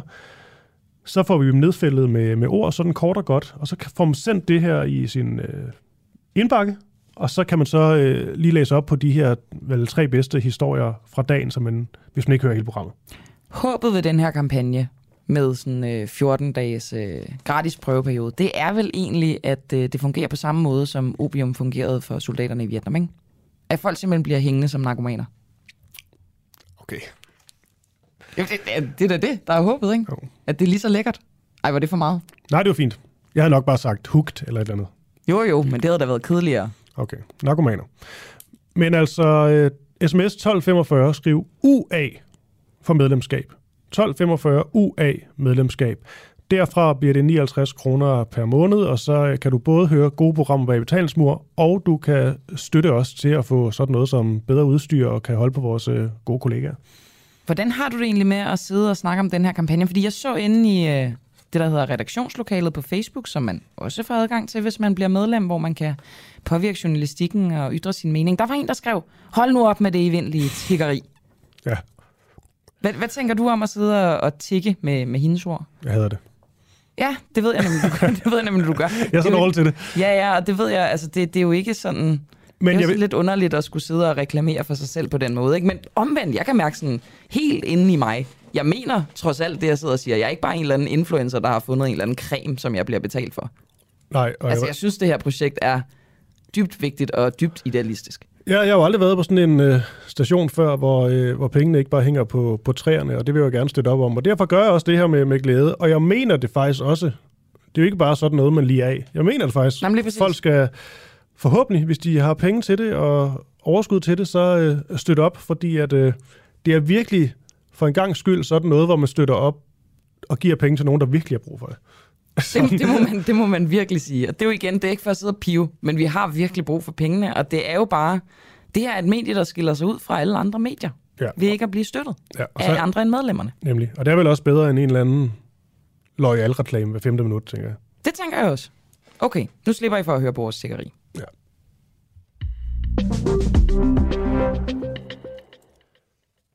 Sidst i april, der overvejede flere end 30.000 unge mennesker kapsejladsen i Universitetsparken i øh, Aarhus. Her der øh, konkurrerer de studerende i, hvem der er hurtigst til at padle en kano over søen i parken og drikke øl. Det unge publikum, de var også vidner til et øh, stripshow.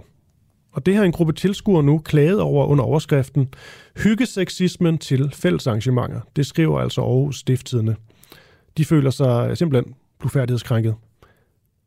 Den uafhængige Peter Marstal, som vi ringer til nu, han, øh, han overvejede det her, øh, det her stripshow. Godmorgen, Peter. Ja, godmorgen. Det står Nu stiller jeg dig et spørgsmål, jeg aldrig havde troet, jeg skulle stille dig.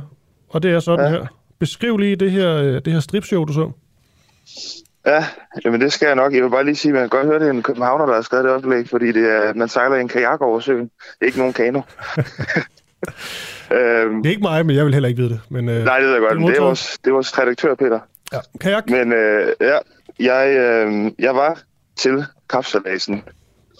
Ikke fordi det skal lyde som sådan en stor, dyster dag, men mm. der er jo 30.000 mennesker rundt omkring den her sø for at se kapsalas, og nogen møder op klokken to om natten for at overvære det her.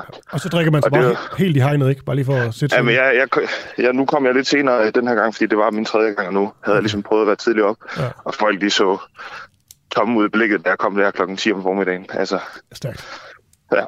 og øh, de andre år, hvor jeg har været der fra tidlig morgen og sådan. Altså, der er så mange mennesker, man sidder et godt stykke væk fra den her sø, så man kan næsten ikke se, hvad der sker på søen. Så jeg har aldrig set de her shows, der har foregået nede omkring søen, fordi man ikke rigtig ser det her event, når man så alligevel er der. Mm. Øh, så, så den her gang, så tænker jeg, nu vil jeg lige prøve at se, hvad det her kapsalas egentlig er for noget, fordi nu har jeg alligevel været her to gange før. Jeg aner ikke, hvordan det ser ud. Så jeg gik ned tæt på søen for at se alt det, der skete dernede. Og så inden de her heats, hvor de her øh, studier kon- konkurrerer mod hinanden, så har de sådan en øh, opvisning, introopvisning, hvor der er mange, der gør noget ud af det og har et eller andet teaterspil eller et eller andet. Og så kommer vi så til øh, økonomi, og de har 200 mennesker på sidelinjen med, med romerlys og alt muligt, som øh, øh, sparker det i gang. Og, og så begynder de så at danse meget uskyldigt den her, det her økonomistudie. Sådan lidt næsten high school musical -agtigt. De står og danser og klapper lidt. Lige pludselig forsvinder de, undtagen en, der sidder på en eller anden stålstol midt i det hele. Jeg tror egentlig også, han har bind for øjnene. Og så kommer den her stripper ind. Og øh, har lidt tøj på til at starte med. Og du ved, det, det ligner egentlig bare, at hun giver ham en normal lapdance. Mm. Og så smider hun så BH'en og ryster dem i hans hoved og 30.000 andre mennesker. Og tager noget solcreme og får ham til at sprøjte det ud over hende. Øh, Hvordan ser hun ud? så, øh, jamen, hun ser da, øh, hun ser da pæn ud. Altså, men øh, hun, øh, hun er også meget, måske, en stereotyp udseende på en stripper. Ja. Altså, hun har store, store Okay. bryster, og øh, ja. Ja. jeg har ikke så meget mere at sige det. Jeg har ikke, øh, nu skal jeg passe på, hvad jeg siger. Ret. Men, Det er fint, Peter. Okay. Øh, men så tager hun ham her, fyren, i et halsbånd ned fra den her stol, og går tur med ham, som om han er en hund, rundt omkring det hele, mens 30.000 mennesker øh, jubler af det her, de ser. Og ender hun vist også med at smide trusserne og smide ham op på stolen igen, og ligesom svinge skrevet op i hans ansigt. Ja. Øh, og det, altså, det virker som, egentlig som om, det tager lang tid. Det var måske kun fem minutter. Men altså, hvem, jeg forstår slet ikke, hvem har, altså, hvem har arrangeret det her? Ja, men det er det studie, der hedder økonomi. Det er åbenbart noget, de har haft en tradition for at have stripshow siden 2010. Det vidste jeg bare ikke, fordi jeg ikke havde set det før. Hold da op. Ja. Ja, det man kan sige, de, øhm, altså, de rammer ikke helt, øh, de rammer ikke helt ren, hvad angår tidens tendens i hvert fald. Men jeg skal, lige, Nej, jeg skal lige høre, høre de her virkelig mange tusind unge mennesker. Nu siger du, at de, øh, de griner og jubler og sådan noget.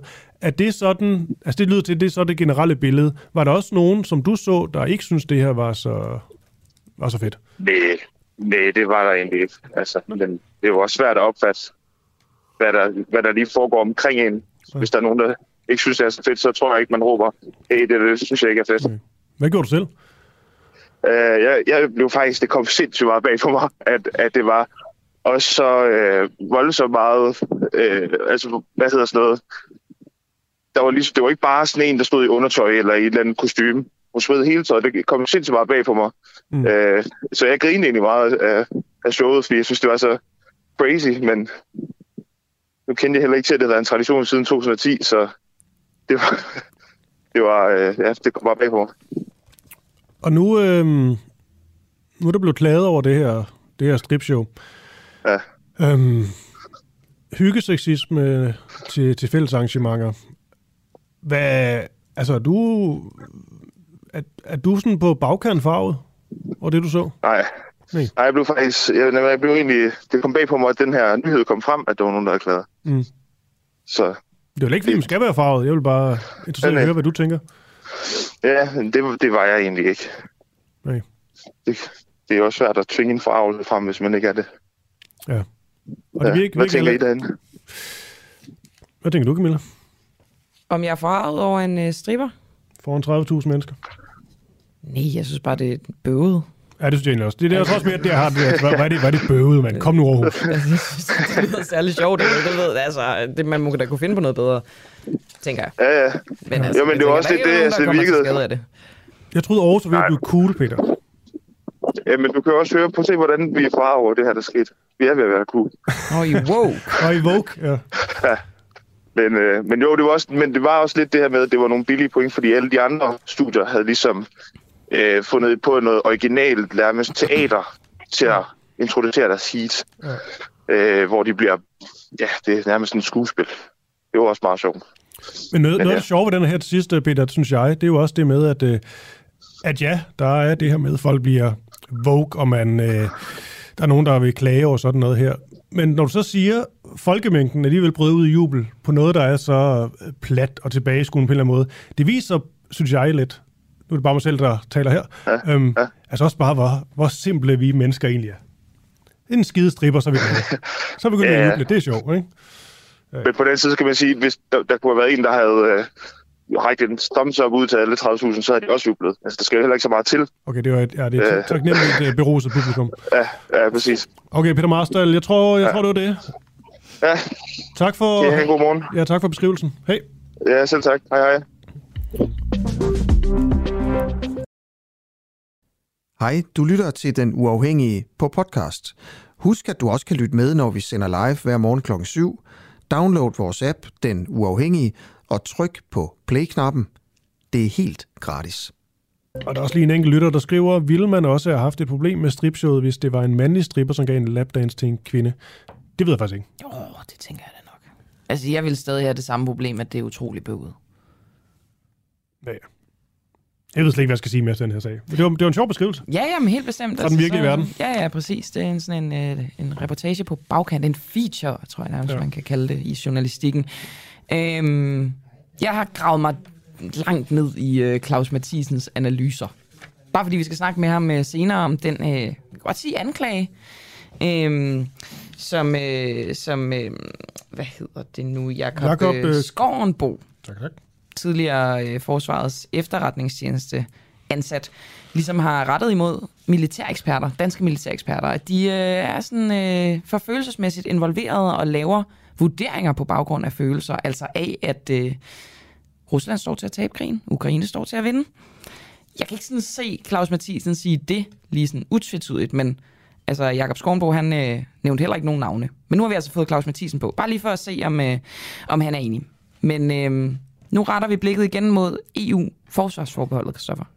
Ja, og det er jo også noget, vi dækker sådan intenst her til morgen, og nu er vi gået ind i øh, anden time. Klokken er blevet lidt over 8, og vi har øh, senere Søren Søndergaard fra Enhedslisten og Ole Birk Olsen fra Liberal Alliance med, og det er jo hver især en nej og ja siger. Og vi laver de interviews øh, uden, øh, uden manus, uden oplæg. Vi sidder bare, øh, vi går til den for at se, overvise os om et ja eller et, øh, et nej, vel? Det glæder jeg mig rigtig, til, rigtig meget til. Men øh, inden det, der skal vi tale med Nora Reddington, som er øh, Helle thorning Schmidts tidligere spindoktor, nuværende politisk kommentator. Og ifølge ham, der er ja-siden simpelthen bange for at fortælle danskerne, hvilke konsekvenser afstemningen om forsvarsforbeholdet kan have. Så Nora Reddington, hvilken betydning har udfaldet af afstemningen om afskaffelse af forsvarsforbeholdet på kort sigt? Og godmorgen. Ja, godmorgen. Øh, jeg synes, det er vigtigt, om det bliver et øh, ja eller nej, fordi hvis øh, Danmark stemmer nej, så er det endnu et pind til den øh, multilaterale verdens øh, ligkiste, så er det jo virkelig et signal om, at øh, når det kommer til stykket, så er Danmark ikke specielt interesseret i at være en del af det europæiske samarbejde. Og så man skal ikke undervurdere den enorme symbolske betydning, det har, og, og symboler er jo vigtige i en, i en verden, som er så meget i opbrud. Så jeg synes, det er en, en vigtig afstemning. Mm-hmm. Jeg synes, der er meget på spil, ikke mindst for Danmark. Men det, der så også er en af dine pointer, det er det her med, at ja-siden ikke tør sige, hvad konsekvenserne er på kort sigt? Og det synes jeg er lidt interessant, fordi det, er jo- det er jo sådan set rigtigt nok, som jeg kan se det. Men hvad er det for nogle konsekvenser, der kan være på kort sigt? Jamen, der er jo den konsekvens, at øh, de andre lande i Europa, de vil tænke, det er godt nok mystisk, det der foregår, og- de ikke vil involveres. Øh, så også i, øh, i deres samarbejde, at vi øh, grundlæggende øh, mister forhandlingskraft i en hel masse andre øh, relationer. Og det hænger jo blandt andet også sammen med, at vi har en regering, som er historisk øh, EU-skeptisk, og der er ikke meget kredit på kontoen øh, til Danmark i, øh, i de samarbejdsrelationer, vi er i. Altså eksempelvis statsministerens rejse til Israel øh, sidste år øh, er, jo, er jo sådan, er sådan et lavpunkt i nyere dansk udenrigspolitisk øh, historie. Øh, så for mig, og nu spurgte du, hvad jeg mener konsekvensen bliver, der er nok nogle forskere, som kan pege på nogle, nogle andre. Mm-hmm. Øh, for mig er, er, er det nogle ret voldsomme konsekvenser, og så er det jo, jo helt bare grundlæggende, altså det her med at vågne op øh, den 2. juni, og så har et af verdens rigeste og mest velfungerende samfund øh, bare sagt, at vi gider simpelthen ikke have noget med de andre kanaler i det europæiske forsvarssamarbejde at gøre. Det er for mig at se øh, øh, ganske alvorligt i en verden, som er så meget i opbrud. Men jeg synes faktisk, det er spændende, det du siger, øh, Nora, fordi det her med, at et nej kan betyde, at vi sender et øh, signal, og vi dermed er, øh, hvad skal man sige, i underskud, i sådan en underdog-position. De andre kigger måske lidt skævt til os.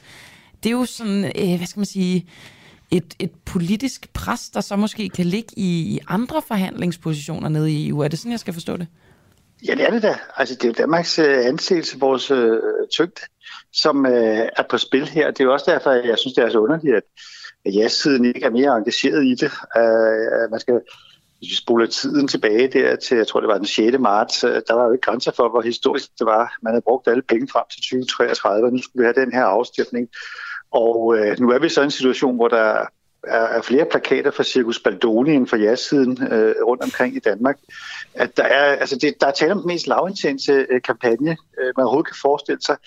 Og øh, det er der mange grunde til. Øh, jeg tror dels, er der er meget bevidst grund, der handler om, at man er bange for at skræmme. Øh, vil jeg sige, det har nogen som helst konsekvenser, fordi det er jo det, man måske har lært af den afstemning, vi havde i 2015 om det retlige og indre anlæggende, mm. og øh, ikke mindst om euroafstemning. Og så er der nok nogle partier, som bare grundlæggende lurepasser på det. Jeg synes, det må statsministeren øh, ligge og rode med. Det er jo øh, en kæmpe nederlag for statsministeren, hvis det bliver et nej, men, men så omvendt også en stor sejr, hvis det bliver et ja. Og det er, der, det er der nok nogle partier, som tænker, vi behøver egentlig ikke engagere os så meget i det, når det kommer øh, til stykket. Så der er mange motiver i det, øh, og det er helt taget en meget underlig kampagne.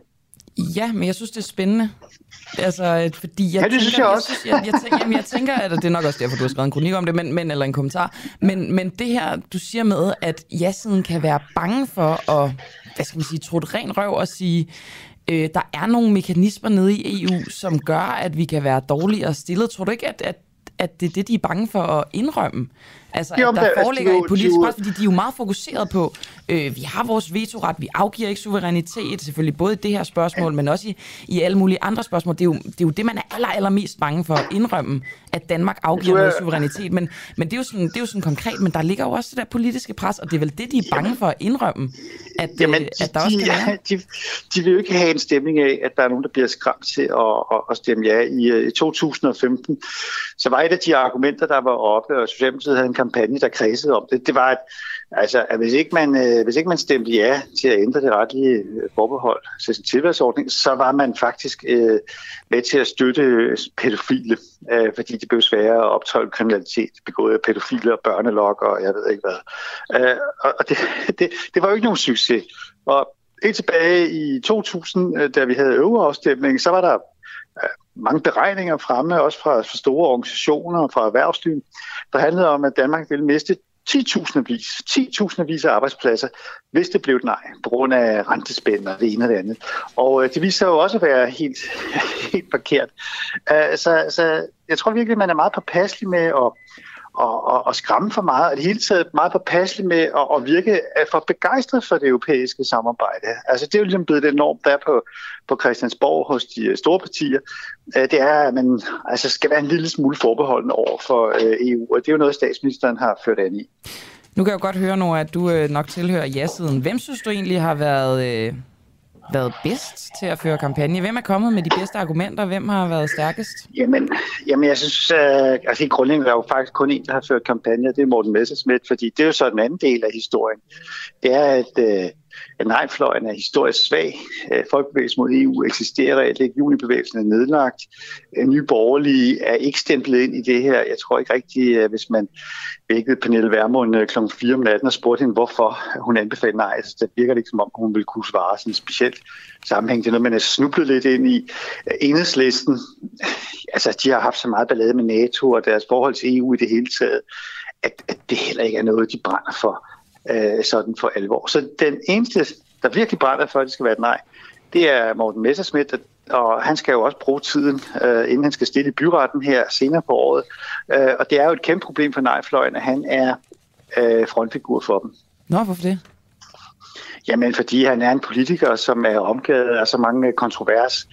Formand for Dansk Folkeparti i, i januar, et parti, som det er muligt at lykkes at, at køre endnu mere i sænk, end det var i udgangspunktet, og det smitter jo af på oplevelsen af, hvad øh, Dansk Folkeparti og Morten Messersmiths troværdighed er. Og så er der jo hele udstået omkring hans, øh, hans forhold, og det med, at han skal stille i byretten en gang til. Så, så nej, fløjen er virkelig, øh, er virkelig svækket, hvis du spoler tiden tilbage til øh, 2000, hvem var der? Jamen, det var, Øh, det var Enhedslisten, der var imod, det var SF, der var imod euroen, det var Dansk Folkeparti, øh, store organisationer, Junbevægelsen, Folkebevægelsen mod EU, restlige øh, retslige forbeholdet i 2015. Der havde du en liberal alliance med Anders Samuelsen, du havde en Christian Tusinddal, der på det tidspunkt jo var en kæmpe politisk kraft, havde fået kanonvalg i, i 2015 sommeren med over 21 procent af stemmerne. Så det er sådan lidt forhudlet, lidt forslået, Øh, øh, nej, fløj, og det gør, at vi har fået sådan en meget, meget lavintens øh, øh, øh, valgkamp, øh, og jeg vil ikke undre mig, hvis øh, stemmeprocenten kom under, øh, kom under 70 procent. Men Norenson, er der egentlig ikke noget med, jeg sidder og tænker i forhold til Maj Villersen, nu lyder det til, at du ligesom gør ja. det her til, altså det er meget vigtigt for Morten Messersmith af mange gode grunde. Er det ikke også vigtigt, vigtigt for Maj Villersen? Jeg sidder bare og tænker, hun har haft ret mange dårlige øh, presseoplevelser. Lige pludselig, der kan hun jo rent faktisk øh, markere sig sådan i forhold til de andre partiledere i de her, de her debatter. Jeg tror mere, det handler om, at det, at det er praktisk for enhedslisten, at de har haft de her diskussioner, de er blevet... Altså, der er et bagland, som tænker, at, ja. at det er et problem, at man er blevet for EU-venlig, og så har man så en mulighed for at sige, det er vi ikke, fordi vi anbefaler faktisk, at man stemmer nej her. Men i sådan, den overordnede EU-tænkning internt i uh, enhedslistens ledelse, så er man jo tættere og tættere på noget, der minder om SF, nemlig at Danmark skal være med øh, i, i kernen. At det er der, man skal føre den politiske kamp. Og så giver det jo ikke nogen mening med et, øh, med et forbehold. Og når man lytter på, hvad hun siger, øh, så er der heller ikke, fordi der er meget svung i argumenterne, så handler det om, at Danmark skal gennem FN, øh, og der er også det problem med FN, at der sidder Sovjet, øh, ikke Sovjetunionen, der sidder Rusland jo og mm. kan blokere. Så, så det er nogle argumenter, som er ret hurtigt øh, at puste om kul og ikke fremført med særlig stor øh, kraft. Det er jo øh, klassisk enhedslisten, ikke? Gammelkommunisterne versus øh, de, de sådan progressive moderne. Det, det sætter dem altså lidt i en kattepine gang på gang, synes jeg. Hmm. Ja, Men hun det, har det også det, ude sådan ret klart i sådan en kritik af nogle af de her enkelte missioner. Det synes jeg egentlig, hun er meget god til. Jo, jo, jo, hun, jo men hun, hun, hun passer jo sit arbejde, og der, der er jo ting at kritisere. Men at, at, at enhedslisten fører en slagkraftig øh, kampagne, det er strækken for langt. Jo, der hænger nogle plakater øh, inde ved søerne på Nørrebro-siden, og det er jo der, hvor at øh, altså, hvad anden næsten stemmer på enhedslisten, så det var underligt, hvis de ikke hang der. Men, men der er ikke saft og kraft i enhedslistens øh, øh, kampagne. Jeg har lige været til enhedslistens årsmøde, og jeg skulle lige så sige, at det var ikke noget, der fyldte. Tror du, Søren Søndergaard vil give det ret? Vi taler mere om lige om et øjeblik. Jamen, han er jo en øh, knalddygtig, professionel, øh, gavet, erfaren politiker, så det vil han nok ikke. Øh, men jeg tror, han vil give mig ret i sådan mere analytisk pointe omkring, at det er op ad bakke for nej-siden. Altså, der er tre partier, tre små partier i Folketinget, som er, bag nejet. Folkebevægelsen mod EU, og som sagt, død julebevægelsen er, er nedlagt, så det tror jeg, at Søren Søndergaard, han vil give mig ret i. Det er svært at benægte, at jorden er rundt. Lige til sidst, nu ved jeg godt, at vi har lavet en skøn overgang over til Søren Søndergaard, ikke? Men jeg synes bare, der var lidt noget interessant i det der, du sagde om Messersmith, øh, Nora Reddington kan man ikke godt argumentere for, at han har en eller anden form for troværdighed, trods alt? Altså ved at have siddet... Øh, ja, altså nu ved jeg godt, at han har en sag på halsen og så videre. Men trods alt har han siddet nede i, øh, i parlamentet i mange år, og han er jurist. Han kan ligesom hive paragraferne frem og så videre.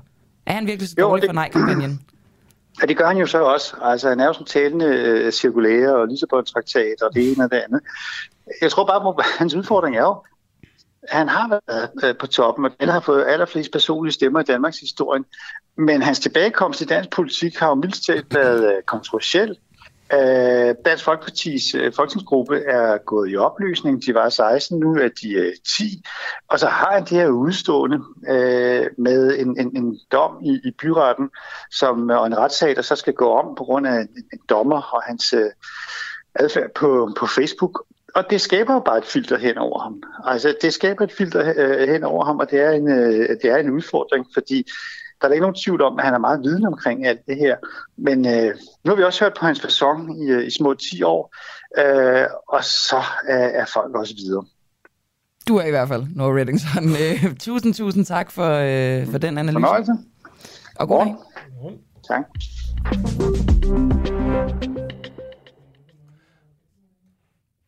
Ja, ja. Er det altid, når man... Det er godt, du lige sagde, at du er, fordi når man siger folk generelt, så er det godt lige at... Ja, det vil jeg sige. Det, det, det tror jeg ikke, man bare lige sådan kan sige. Nå, Camilla, vi har fået nogle sms'er ind. Ja. Øhm, blandt andet fra en, der hedder Adam, der skriver, fandme fedt at høre den uafhængige på sin fødselsdag. Bedste morgen. Tillykke til dig, Adam. Ja, stort tillykke, og tillykke til os, for at vi kan gøre en fødselsdag bedre. Ja, det er jo helt vildt. Jeg bliver da helt rørt. Nå. Andre sms'er? Ja, se om vi kan få udlagt den fødselsdag lidt med nogle sms'er. Det tror jeg ikke, vi kan, for de er meget gode i dag, synes jeg. Mm-hmm. Fordi der er en, der, her, en, der skriver, selv en beskrivelse af et bøvet stripshow bliver lidt bedre, når det er duer, der prikker det. Tak for det, og tak til Peter Marstal, som øh, var med fra Aarhus. Så skriver Susanne, det er i forhold til EU her. Jeg har født to drenge, har ikke fået, fået dem for, at de skal vokse op, blive soldater, sendt i krig, så vi selv og andre kan slå dem ihjel. Så nej. Ja. Okay, yes. Øh, der er også en Dan, som skriver ind på sms'en. Skulle de andre lande være overrasket over, at vi ikke er med i et forsvarssamarbejde? Sådan har det været siden 1993, hvor vi jo fik forbeholdet. Mm-hmm. Så hvis de ikke har forstået det, så er der vist noget helt galt. Tyndt argument af Nora Reddington. Og en, der skriver, i 1992 var der skræmmekampagner, og angående euroen i 2000 gentog det sig, og det samme sker nu. Det er jo også noget, vi har fokus på, Camilla, det her med skræmmekampagner. Men jeg synes dog, det er en vigtig pointe, at de kører altså på, øh, på begge sider. Ja, det må man da sige ja til. Men, men, men så i lidt, øh, altså på en lidt tynd måde måske.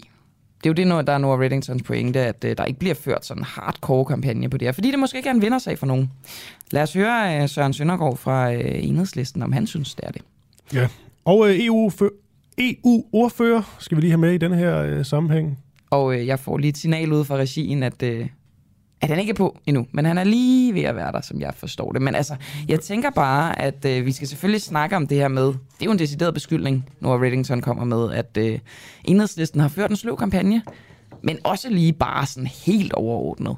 Hvad er det, enhedslisten siger, og hvorfor i det her spørgsmål om øh, EU-forsvarsforbeholdet, som vi jo skal stemme om, om ikke særlig lang tid, altså nærmere bestemt den 1. juni, hvor vi dækker det inden fra borgen, Christoffer. Det er Om rigtigt. ja, ja. Det bliver simpelthen utroligt sjovt. Godt. Skal vi, egentlig, skal vi bare for sjov skyld bare lige spørge ham, om han stemmer ja eller nej? Så er vi i Ja, gang. det er Søren Søndergaard. Ja. Godmorgen, Søren Søndergaard. Ja eller nej til at øh, afskaffe forsvarsforbeholdet? Nej da. Et nej da. Det tror jeg ikke, der står på stemmesedlen. Der står nok bare nej. Det, det gør der ikke det. Nå, jeg ved ikke. Der står så mange ting på den stemmeseddel, som er underligt. Men øh, rigtigt. så siger jeg bare nej. Det har også ændret sig et øh, par gange undervejs. Men Søren Søndergaard, kan du så ikke øh, lige uddybe, hvorfor et nej? Jo, først godmorgen til jer. Godmorgen. Øhm, altså, øh, den, den måske allervæsentligste begrundelse for at, at stemme nej, det er, at det er befolkningens og dermed også jeres lytters garanti for, at øh, man ikke i Folketinget med et flertal, måske bare på et enkelt mandat, i løbet af øh, to dage øh, sender øh, unge danske soldater øh, i krig i et eller andet afrikansk land. Øhm, det kan man øh, under EU-flag. Det kan man simpelthen ikke på grund af forbeholdet. Øh, og hvis man gerne vil have den garanti, at det ikke kommer til at ske, ja, så, så skal man stemme nej. Kommer det til at ske, hvis man stemmer, stemmer ja? Ja, det ved vi jo ikke. Altså, vi har jo tidligere set for eksempel med Irak-krigen og andre krige, at man har, har sendt Danmark i krig lynhurtigt. Så, så det vil jo kunne ske, men jeg kan jo ikke sige, om det vil ske, men det er en garanti mod, at det sker, hvis man stemmer nej. Men stoler du ikke på, at man vil bruge den her vetoret fornuftigt? Nej. Altså, øh, og, det, og det gør jeg ikke af to grunde. Dels fordi vi jo har set, at der løbende i Folketinget er, øh, kan skabes et flertal i bestemte situationer for uden rigtig at undersøge tingene grundigt sende danske soldater i krig. Øh, også øh, krige, som, som koster har kostet øh, danske soldater livet. Øh, øh, så det er den ene grund, og den anden grund, det er, at, øh, at jeg hælder meget, meget, meget op af, hvad, hvad Trine Bremsen har, har udtalt. Øh, nemlig, at når man først sidder med ved bordet, nu sidder vi med ved bordet under alle omstændigheder, men hvis man først sidder med på bordet på den måde, man har sagt ja til, at eventuelt ville, så bliver der lagt et pres, et politisk pres på en for at deltage. Som hun siger, ikke nødvendigvis i alt, men i hvert fald i noget. Øh, og, og det er klart, at i det øjeblik, at Frankrig har brug for en aktion i, lad os sige Mozambique for nu at tage noget aktuelt, for at forsvare øh, Totals øh, største gasforekomster øh, noget sted øh, i verden, øh, og har brug for en styrke til ligesom at træne Mozambiks her, eller hvad det nu kan være, for at forsvare de her øh, gasfelter, øh, så tror jeg, at Frankrig vil kigge meget intens på Danmark og sige, øh, tror I ikke, I skal deltage? Og, og så øh, frygter jeg, at det kan vi komme, komme til også, selvom man måske ved en nærmere analyse vil sige, at det her det er vist ikke rigtig klogt. Okay, men, men Trine Bremsen, hun er jo trods alt øh, på, på ja-siden nu, og derudover så er hun vel også bare en enkelt person, der sidder i på det tidspunkt øh, i tv-show og, og, og for, ja, ja, ja, ja, ja.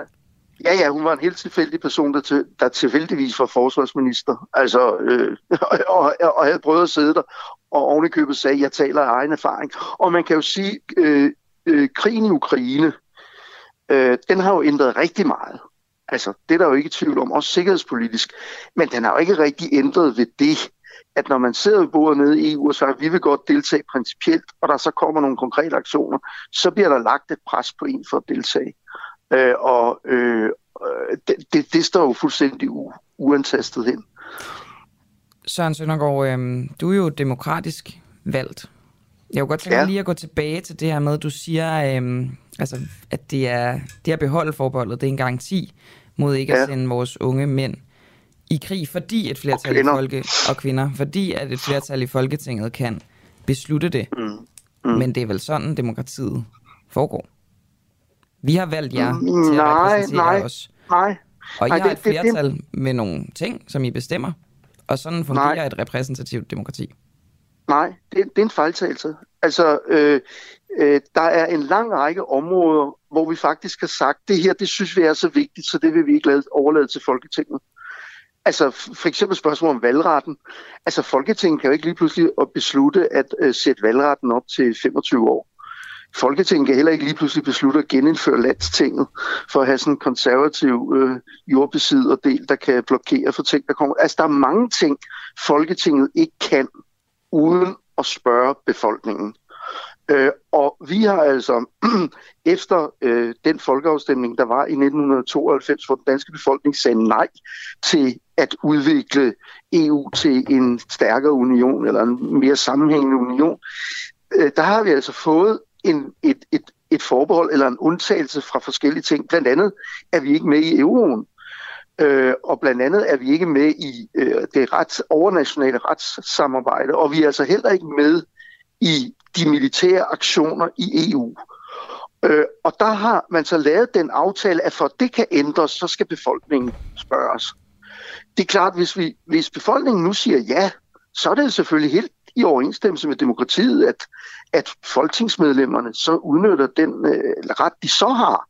Men som det er i dag, der kan folketingsmedlemmerne altså ikke beslutte det. Og jeg opfordrer bare til, at man fastholder det her som noget så vigtigt, som folketingsmedlemmerne ikke bare kan beslutte.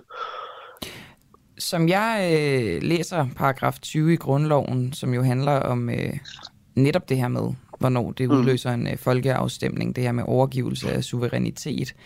Øhm, vil det ikke være et værn imod det, du taler om her? Altså, at øh, der ligesom kan, kan blive sendt tropper i krig. Det er jo også fordi, der er forskel på at sende Nej. tropper i, i en, en krig, og så tropper mm. på, på, på EU-missioner, mm. fredsbevarende missioner, civile missioner osv. Nej, nej, altså det, det vil det ikke. Altså det, grundlovens paragraf 20 har, har sådan set ikke noget med den del at gøre.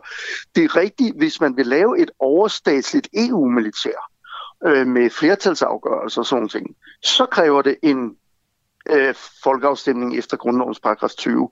Men, men, men det, at vi ikke deltager i EU's militære aktioner, det har sådan set det er bare noget, der handler om den her folkeafstemning, vi skal have nu.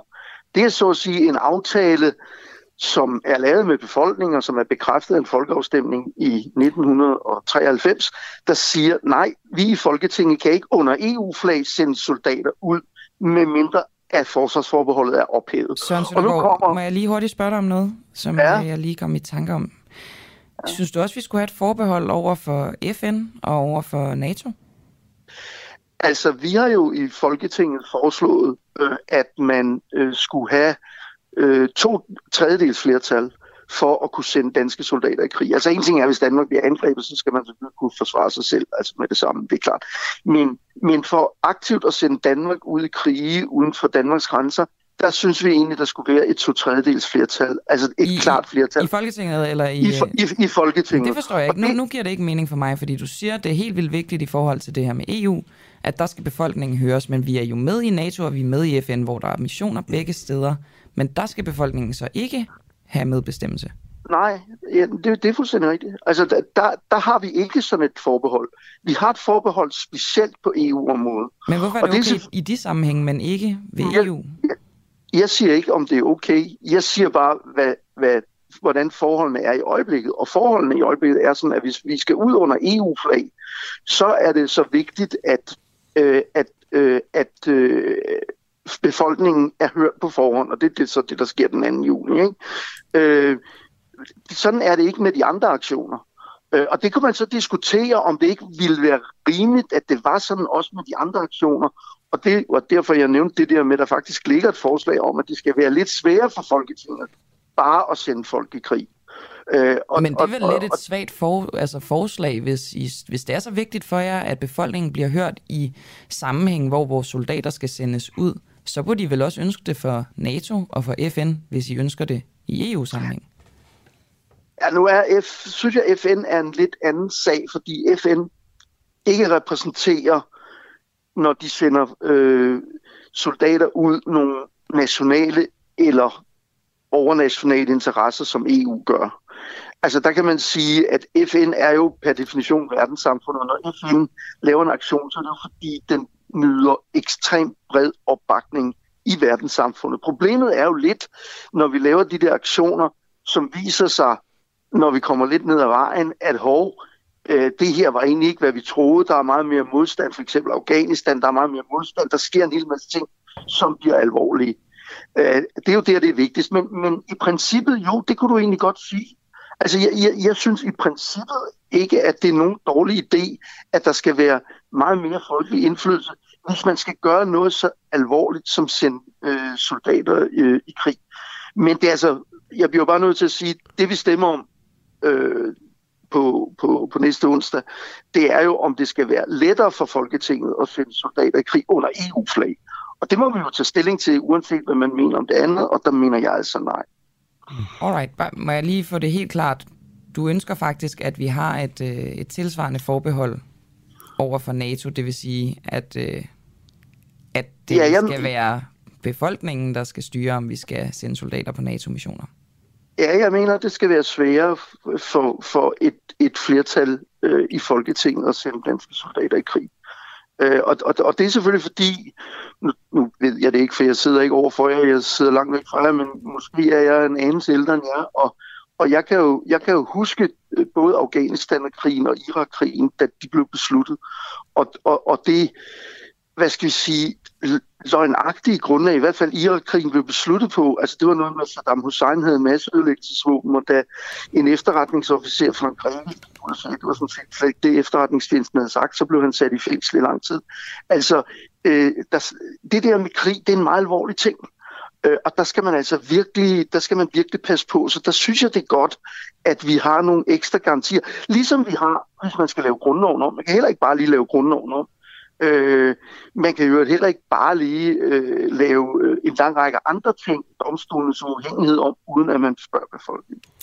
Ja, og så, så, går, så det der med alder, man kan sige, øh, om man så lige øh, var der eller var gammel nu engang var, man kan også læse op på historien. Vi to kan også godt have en snak om Første Verdenskrig, tænker jeg.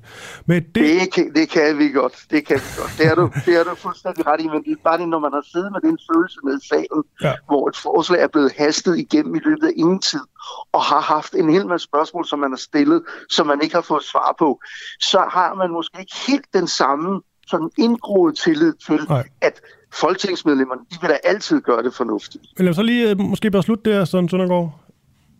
Nej, Nej, jeg har ikke lyst til at Nej, slutte. men jeg, det er sidste spørgsmål, jeg vil lægge op til, Camilla. Aha, okay. Eller fra min, min, øh, min hofte i hvert fald. Denne her, øh, i forhold til tillid, denne her EU her, der bliver snakket så meget om, Mm. og der er nogen fra, fra nej-siden, der, der mener, at der er meget, der tyder på, at det godt kan være det, det sådan ender med i det, det lange Mm. løb. Så er der nogen, der mener, at det, det er et godt eksempel på en skræmmekampagne. Det kommer aldrig til at ske. Mm. Hvor står du der? Frygter du den her EU her? Altså, jeg mener ikke... Jeg mener slet ikke, det er det, der står på tegnebrættet. Altså, det, det, det kan sagtens ske, men det er noget, der ligger langt, langt, langt ude i fremtiden. Øh, og det er også derfor, en række af de argumenter, der bliver brugt for, at øh, I skal stemme ja, er så dårlige. Fordi det, vi snakker om, det er interventionsstyrker, øh, Øh, der ikke må operere på EU's område. Det står direkte i traktaten. De skal operere kun uden for EU's område. Og det er derfor, at øh, 10 ud af 14 missioner er foregået i Afrika, to er foregået i Middelhavet, og kun to er foregået i omegnen af, af Europa. Øh, det er helt klart, at øh, det, man snakker om, det er en interventionsstyrke, der skal gå ind og beskytte et, pas- et præsidentpalads, eller beskytte nogle oliekilder. Øh, hvis man siger, at det her er noget, der skal bruges til at forsvare os mod russerne, så snakker vi jo ikke en, invasions, en interventionsstyrke på 5.000 mand. Hvis man siger, at det her det er noget, der skal fungere som et alternativ, hvis Trump trækker sig ud af NATO, så snakker vi jo ikke 5.000 mand. Så skal vi jo have en EU her. Og, og min vurdering er, at den EU her ikke er på tegnebrættet, og der er lande, store lande, der vil sætte sig meget imod det. Og derfor vil jeg sige, øh, det vi stemmer om reelt, det er, om vi skal være med i de der interventionsaktioner rundt omkring i, i, i verden, og, Og ikke det, om vi, vi og det, stemmer, vi stemmer om, er jo vel også, øh, hvad skal man sige, indflydelse øh, i EU, eller øh, signaler til EU, som vi jo er med i. Det er realiteten. Vi er med i EU, vi har nogle forbehold. Øhm, hvad tænker du om, lad os sige, at du får din vilje, det bliver et nej, vi beholder forbeholdet. Hvad, hvilken position tænker du, at det sætter os i, i andre EU-sammenhænge? Forhandlingssammenhænge for eksempel? Jamen prøv lige at høre, jeg har været medlem af EU-parlamentet i, var det otte år, og jeg har aldrig nogensinde øh, blevet præsenteret på det der spørgsmål om, om retsforbeholdet eller forsvarsforbeholdet. Har du har Øh, og det- i det det- ministerråd og forhandlet, vel? Nej, men det, det siger de jo selv. Altså, det er jo ikke mange, det er jo ikke mange måneder siden, at både Jeppe Kofod og, og statsministeren sagde, at det, det står ikke i vejen for dansk interessevaretagelse. Og hvis man siger, at det har forhindret os i at være i kernen af EU, så tager, man, så tager man simpelthen fejl. Men der er en ting, jeg godt vil sige, fordi jeg kan godt lide, at tingene er lidt nuancerede. Det har jeg også prøvet i, i andre debatter. Det er ikke altid, det går så godt, men, men, men jeg vil godt sige, jeg synes, der er et argument med det der med signalværdien. Altså, at man sender et signal. Altså, øh, øh, og, og, og det er jo rigtigt. Spørgsmålet er jo, om vi ikke kunne sende det signal på en anden måde, men det er jo rigtigt, hvis vi ophæver forsvarsforbehold, hvis vi stemmer ja, så sender vi et signal.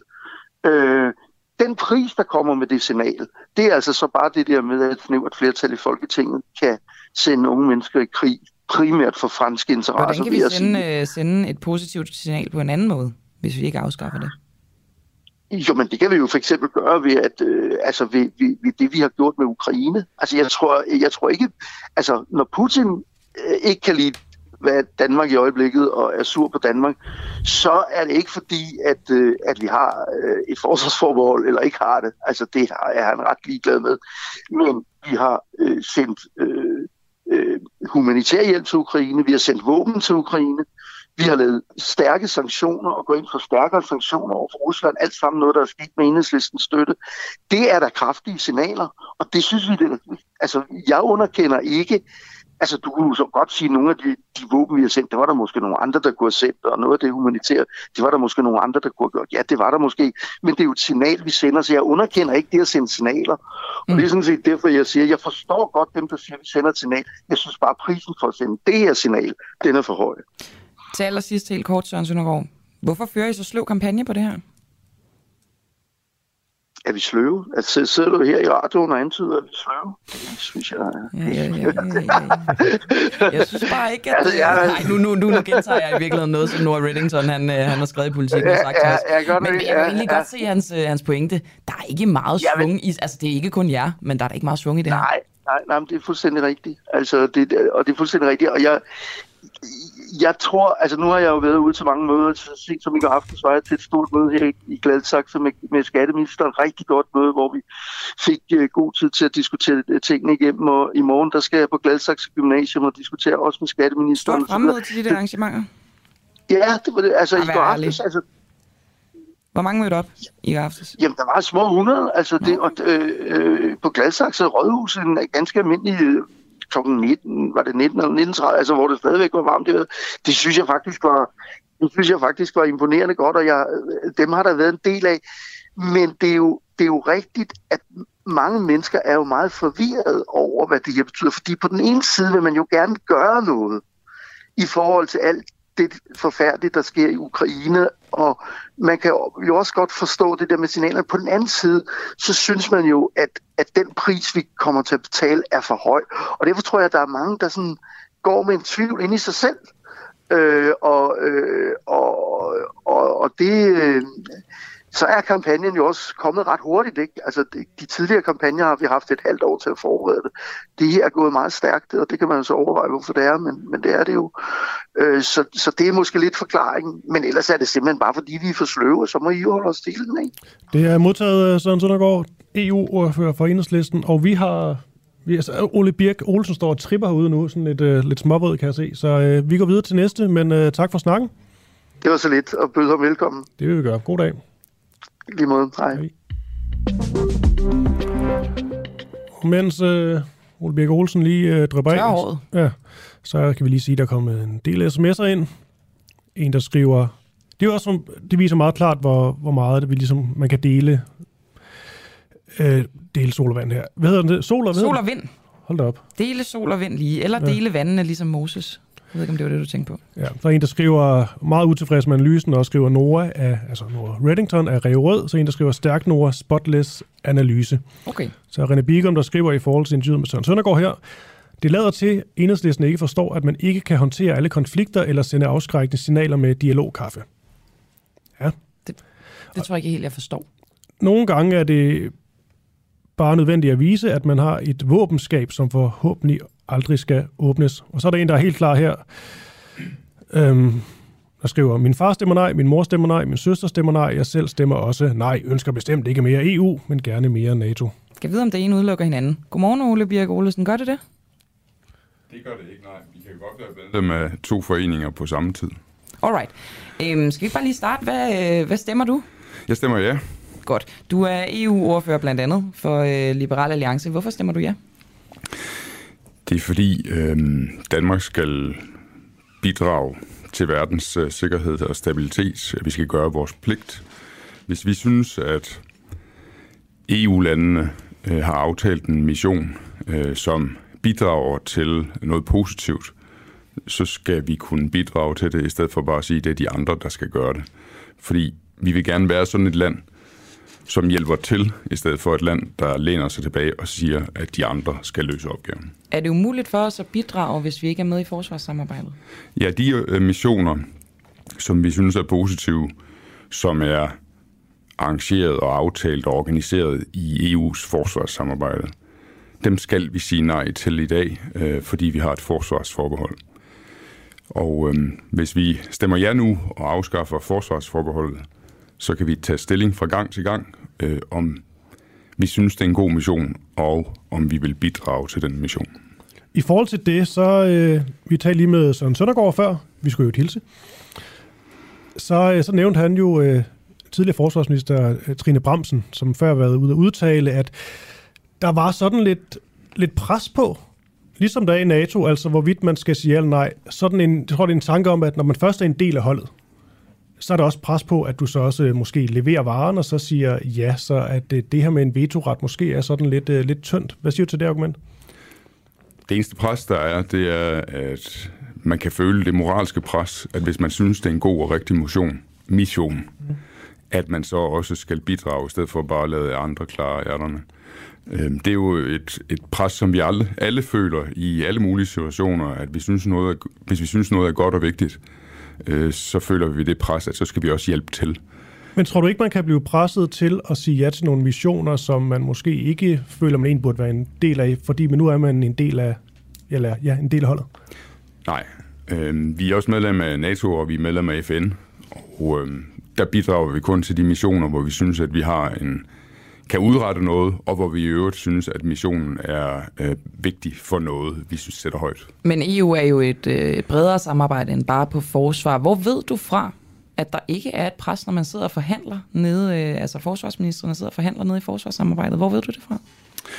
Mm, det ligner situationer, som, som jeg har været i før, og som mange mennesker er i, at øh, hvis man ikke synes, at det, der skal gøres, øh, er vigtigt, hvis man ikke kan se, hvorfor man skulle have en aktie i det, så føler man ikke presset. Men omvendt, hvis man tilslutter sig de andre og siger, at det her er vigtigt, at det bliver gjort, ja, så føler man også presset for at bidrage. Det, det, det ligner fuldstændig normale situationer i alle mulige andre sammenhænge, som vi mennesker oplever. Altså det er dit argument for, at der ikke foreligger et politisk pres nede i, øh, i, i EU? Jamen, hvad det er, modstand, modstandernes argument er, at de påstår, at der er nogle mennesker, der føler det. Er det et stærkt argument? Det, det er vel mere et vidnesbyrd øh, om, hvad der foregår nede i EU? Øh, hverken Dansk Folkeparti, Nye Borgerlige eller Enhedslisten har nogensinde siddet med til et møde i EU. Jeg har. Men det er Trine Bramsen også. Det har Trine Bramsen også, det er korrekt. Men hvorfor hun sagde det, det der dengang, det ved jeg ikke. Jeg tror, at Trine Bramsen hun nogle gange har en tendens til at sige det, der passer i den situation, hun synes, hun er i for øjeblikket. Ole Birk, øh, du taler om, at det kunne være godt, hvis vi kunne øh, bidrage i de missioner, som kunne være positive for, altså se med danske briller går ud fra. Hvad er det for nogle missioner, som er positive, som foregår lige nu, for eksempel? Det, der er, er, er hagen ved det her, det er, at vi kan godt regne med, at NATO og USA vil hjælpe os, hvis vi har nogle problemer med, med Rusland, for eksempel.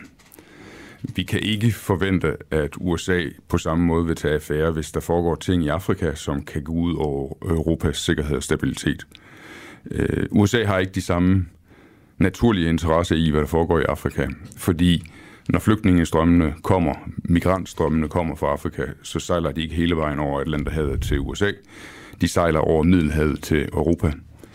Og derfor kan man forudse masser af missioner i øh, Afrika og også i Middelhavet, som handler om at sikre fred og stabilitet i Afrika og også beskytte Europa mod migrantstrømmen, der er for store hvor Danmark øh, burde bidrage, fordi vi har den samme interesse i, at øh, forholdene er i orden. Så hvad er det konkret for nogle missioner, du taler om her? Jeg taler ikke om konkrete missioner her. Jeg taler om det forhold, at vi har et kontinent i Afrika, hvor rigtig mange ting går rigtig, rigtig dårligt. Og øhm, i det omfang, vi kan bidrage til at få nogle ting på rette spor, eller alternativt stille et værn op i Middelhavet mod store migrantstrømme, mm. så er det noget, som Danmark bør bidrage til og har en interesse i. Er der egentlig noget, vi sådan... Uh, jeg prøver bare at finde ud af, om det er mere sådan at på et eller andet, det ved jeg ikke, symbolsk eller værdimæssigt grundlag, denne her snak. Altså, er der nogen sådan ting, vi er gået glip af ved at have det her forbehold? Altså missioner, vi du gerne vil med i? Altså, der har været for eksempel en, en mission, som blev organiseret under EU's forsvarssamarbejde, som handlede om netop det her med at forhindre for store migrantstrømme over Middelhavet. Jeg forstår det sådan, at det ikke var en særlig vellykket mission. Men det ændrer ikke på, at selve princippet om, at EU har nogle ting, der skal forsvares i Middelhavet, og at Danmark er lige så interesseret i, at det sker som alle andre lande, det princip gælder. Men, men er det generelt en mere principiel, en principiel snak end sådan konkret? Mm, ja, det kan, du, det kan du sige, men det bliver, bliver jo formentlig konkret. Altså, der vil være konkrete missioner, hvor, der, hvor EU-landene kan med en mission i et afrikansk land, som er truet af opløsning, kan være med til at forhindre den opløsning, og dermed også forhindre store strømme af migranter fra det land, som øh, destabiliserer øh, hele Afrika, og eventuelt også fører til, at dele af Afrika gerne vil øh, til Europa. Så, så det, er jo, det er jo egentlig bare det principielle synspunkt, at det er meget, meget underligt, at vi har et forsvarsforbehold, altså et forbehold mod at deltage i missioner sammen med lande, som vi er i EU-forening med. Mm. Men vi har ikke et forbehold over for NATO-lande, øh, enkelte NATO-lande, øh, for den sags skyld Kina eller Rusland. Hvis nu Rusland sagde, vil lige være med til et eller andet, så vil vi selvfølgelig altid sige nej, fordi vi er ikke gode venner. Men hvis de gjorde, vil vi ikke have et forbehold. Vi ville kunne sige ja, hvis vi lystede det. Det lyster vi selvfølgelig ikke. Men det er da underligt, at vi har et forbehold mod at deltage i internationale samarbejder for at sikre sikkerhed og stabilitet over for de lande, som vi ellers er i en god forening med og har rigtig meget til fælles med. Ud fra devisen om, at hvis man siger A, så må man også sige B på en eller anden måde. Ja, hvis man synes, at det, som aftales i den forening af EU-lande, som, altså de missioner, som aftales der, de er positive og bidrager til noget godt for vores land og vores kontinent, og måske endda hele verden, så synes jeg også, vi er forpligtet til at bidrage. Kan NATO-alliancen beskytte Danmark?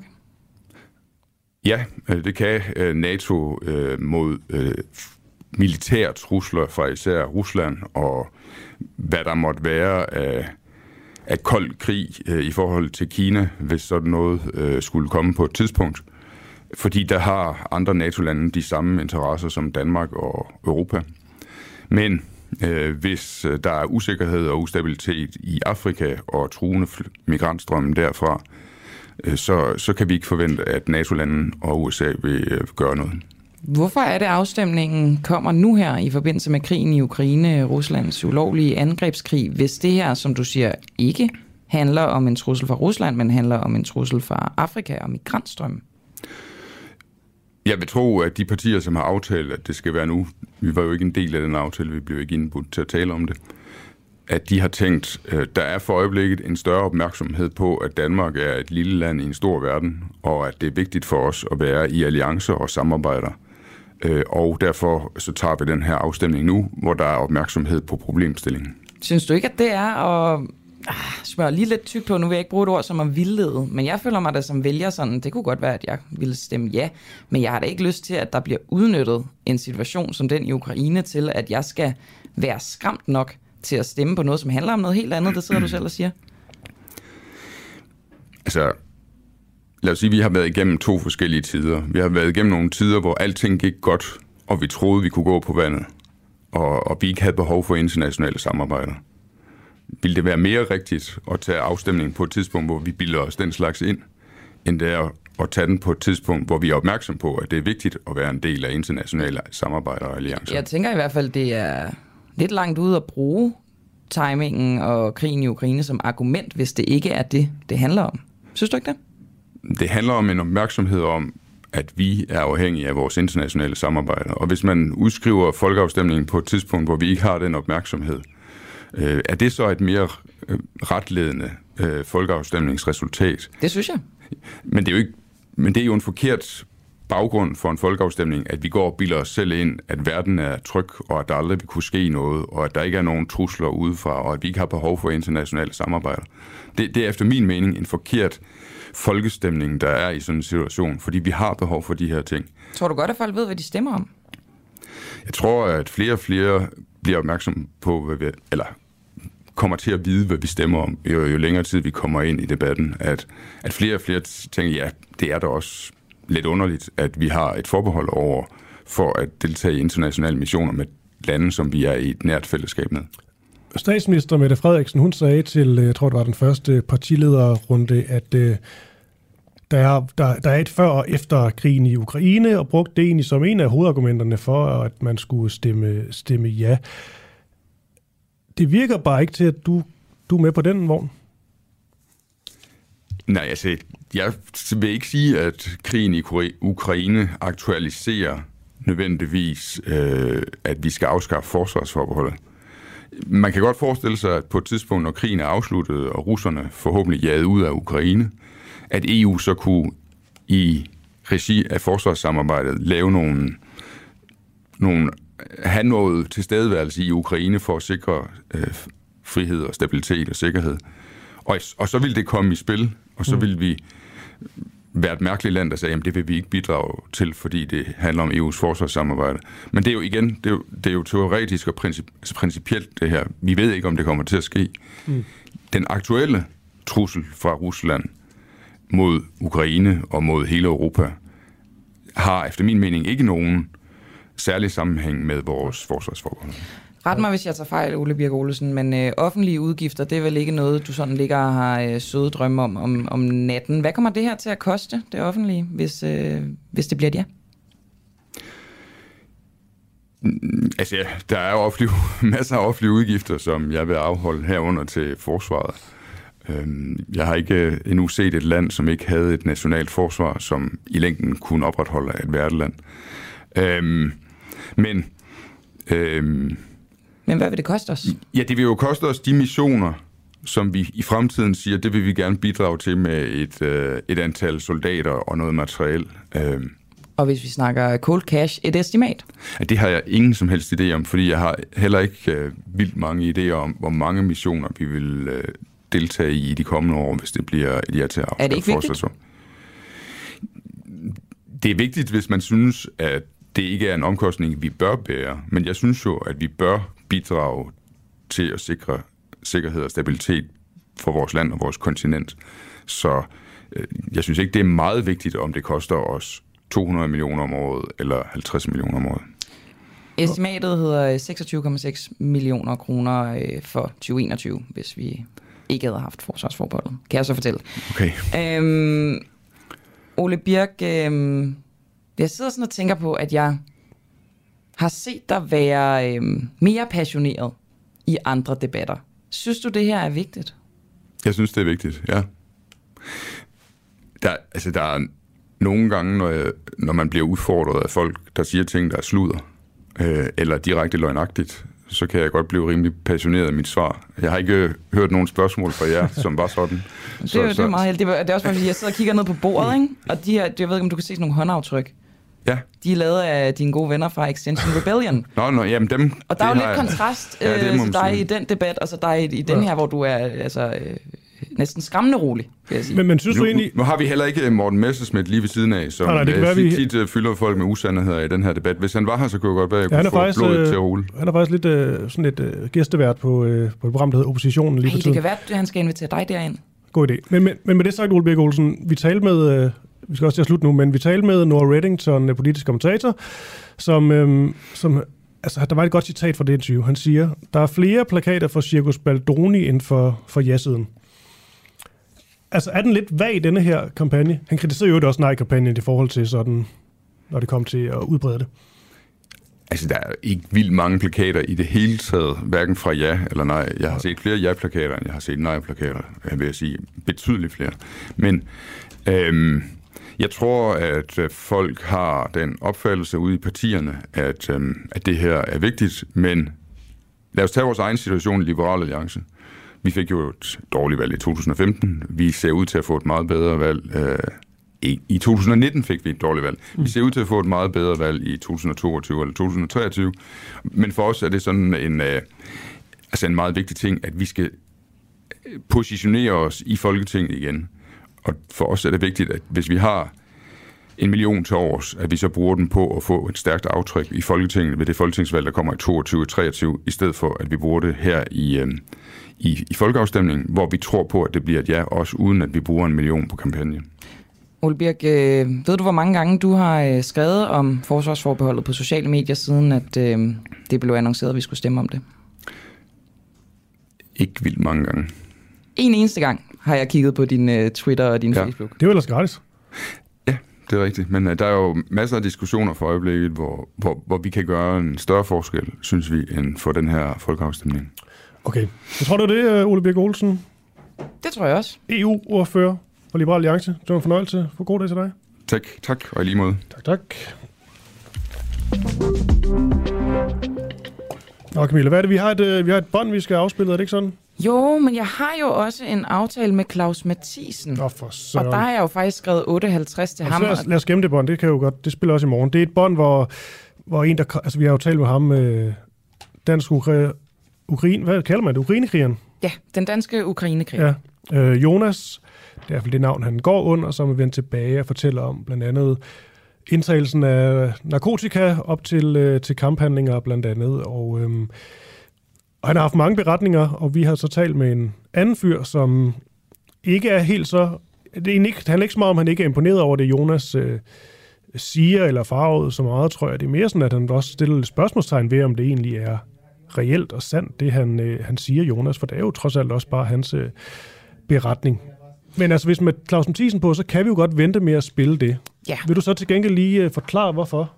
Vi Vi har, har Claus øh, på. Vi har Claus på, fordi at, øh, der var en meget interessant i, kronik i Information i går af Jakob øh, Skarnborg, som er tidligere er ansat i Forsvarets efterretningstjeneste i 26 år, så vidt jeg husker. Han fremsætter altså en kritik, der går på, at danske militæreksperter, de er for, øh, for følelsesmæssigt mm. involveret, når de, øh, når de giver deres analyser og siger, at, øh, at Ukraine vil vinde krigen. Det vil jeg så sige, det har jeg ikke hørt Claus Mathisen gøre decideret. Men vi kan jo starte med at spørge Claus Mathisen. Taber Rusland den her krig? Det ved jeg ikke. Øh, det er det korte svar. Øh, jeg vil sige, at øh, når jeg holder foredrag om øh, spørgsmålet, og det gør jo, at man så har noget længere tid, så har jeg sådan en slide, der viser tre muligheder, næsten ligesom en tipskupon 1 kryds 2. Og en af dem er, at Rusland kan vinde. Jeg mener ikke, man kan afskrive, at Rusland kan vinde den her krig. Men jeg siger også, at sådan som tingene står nu, er det ikke sandsynligt, at Rusland når sine strategiske mål. I hvert fald ikke dem, de havde fra starten af. Okay, Claus Mathisen, jeg skal lige sige, at du er øh, lektor i russisk øh, på Forsvarsakademiet, det vi kalder for FAK, og tidligere forsvarsattaché i Ukraine.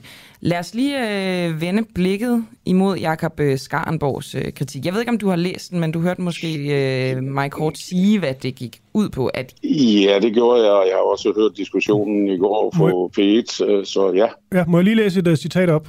Det er fra hans kronik. Lad nu følelserne og sympatierne hvile et øjeblik, og kast et nøgternt blik på den militære situation, du kære ekspert og kollega. Tjek dine kilder en ekstra gang og vurder i hvor høj grad din viden alene bygger på oplysninger fra det ukrainske forsvarsministeriums presseafdelinger. Er det der, du får dine oplysninger fra, Claus Mathisen? Nej, det er det ikke. Jeg har mange gode kilder. Jeg får også fra, de, fra dem, men det er ikke dem, jeg bruger mest. Og jeg vil sige omkring det her med, øh, kalde det optimismen. Øh, vi har jo været vidner til en situation, hvor det var den gængse opfattelse, at Rusland ret hurtigt kunne overstå den her krig. Og så sker der det, at Ukraine faktisk øh, uventet har held til og succes til og evner til at gøre modstand. Øh, og det er klart, så kommer analysen jo selvfølgelig til at handle om, hvordan er det gået til? Hvordan kan det gå til, at, Ru- at Ukraine klarer sig så godt, og Rusland klarer sig så dårligt? Og det kan man så godt sige, det er noget med følelser, men det er det ikke. Det er noget, vi forsøger at vurdere så objektivt vi overhovedet kan på, hvad er det, Rusland gør af fejl, og hvad er det, ukrainerne gør rigtigt. er en optimistisk analyse en nøgtern analyse? Jamen det er det i forhold til den udvikling, vi har set hidtil, vil jeg vurdere. Øh, noget andet er det strategiske perspektiv, altså hvor øh, kan den her krig ende henne? Og der kan jeg da godt sige, at den samme slide, som jeg talte om før, jeg bruger, når jeg holder foredrag, den, er der sådan, den har en overskrift, der hedder, der er ingen gode udfald. Altså uanset hvordan den her krig måtte ende, så kommer det til at være problematisk. Hmm. Det virker jo til i den her kronik, at han, så kan man sige, det er måske også nemmere at sige bagefter, men altså han ligesom siger, at, øh, at det her med, at de startede lidt dårligt og, og vagt, og, og det hele har været lidt øh, kludret fra russisk perspektiv, at det måske egentlig ikke er så overraskende. Han skriver også, at de er dårlige til at øh, manøvrere, og, men så siger han så også, at de har sådan en, en uovertruffen nedslidningstaktik, og ligesom med tiden, så vil de øh, få, øh, øh, opnå deres, øh, deres mål. Er der, er der et eller andet, du eller dine andre kollegaer ligesom har mistet i jeres analyse af, af russerne? Nej, overhovedet ikke. Øh, der er jo foregået en militærreform i Rusland, og det kan ikke være forfatteren til kronikken øh, ukendt, øh, siden 2008-9 stykker. Og det, der var den almindelige formodning, det var, at den reform faktisk grundlæggende havde ændret russisk militær. Og netop sådan, så, så det man for eksempel oplevede under 2. verdenskrig, at, at, at Sovjetunionen startede med at få grummetæsk og, og have kæmpe store tab. Og så derefter med stor morsommelighed og besvær skulle generobre hver eneste kvadratkilometer, før man fik tyskerne smidt ud. At det, at, at det jo ikke af gode grunde var nogen særlig god strategi at gentage. Og derfor synes jeg sådan set, det var rimeligt nok fra starten at have nogle andre forventninger, og ikke bare basere det på de klassiske mønstre, vi har set for russisk eller sovjetisk krigsførelse. Øhm, Claus Mathisen, i løbet af de her tre måneder, det er jo en øh, ubehagelig tre måneders dag i dag, øhm, fra, øh, fra invasionen begyndte. Har du stødt på nogle eksperter, danske eksperter, hvor du tænker, der er følelserne måske løbet lidt af? med dem? Øh, jamen, det ved jeg ikke med følelser. Man kan jo have forskellige vurderinger, og det har vi også, os der udtaler os for Forsvarsakademiet. Vi er ikke nogen monolit. Vi sidder ikke hver morgen og aft- aftaler.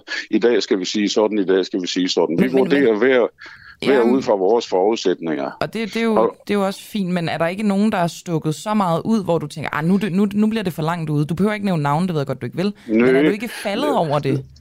Jeg, vil, sådan- det, jeg ved ikke, om jeg vil kalde det følelseslag. Jeg vil, jeg vil sige, hvis man entydigt på nuværende øh, tidspunkt på basis af det, der er sket, konkluderer, at Ukraine kan vinde den her krig og smide Rusland helt ud af Ukraine, inklusive Krim, så mener jeg, at det er en overoptimistisk vurdering. Om det er følelser, der løber af med en, det ved jeg ikke, men det må, den, den mener jeg er baseret på noget, som ikke er den virkelige styrkesituation på kamppladsen. Okay, her til sidst, uh, Claus Thiesen, da vi talte med Jakob Skornborg tidligere til morgen, der, uh, mm-hmm. der fik han jo sagt, at uh, meget klart, at russerne de har så meget materiel, at når de ligesom uh, satser alt på, uh, på det østlige, nok også senere sydlige uh, Ukraine, så der er ikke rigtig nogen chance for, at ukrainerne de vil, de vil klare den. Og han skriver også, at uh, vores støtte, altså den danske støtte, vestens støtte, til Ukraine bidrager kun til mere død og ødelæggelse. Altså, der ikke er nogen chance for ukrainerne. Er du enig i den analyse?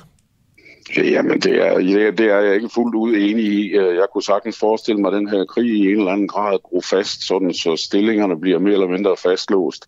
Og så er det en helt anden diskussion, hvad meningen med at sende militær støtte til Ukraine er. Det har jo også noget at gøre med, hvad det er for et helt grundlæggende system, vi gerne vil kæmpe for. Er det demokrati, som vi ser det i Vesten, og gerne vil se det i Ukraine, eller er det sådan et militariseret autokrati, som vi ser i Rusland? Alright, Clausen Thiesen, tak fordi du lige øh, stillede op sådan lidt spontant. Det var en fornøjelse. I lige måde. Tak, tak. Og du, øh, du kan hans titel på, altså lige fra hoften, ikke? Jo, det kan jeg godt. Kom med det. Lektor i russisk ved Forsvarsakademiet og tidligere forsvarsattaché i Ukraine. Og hun kigger ikke på noget som helst. Det kommer bare til dig. Ja. Det er, skræm, det er jo skræmmende. Jeg er for dybt inde i det, jeg kalder for fagsjakket, åbenbart.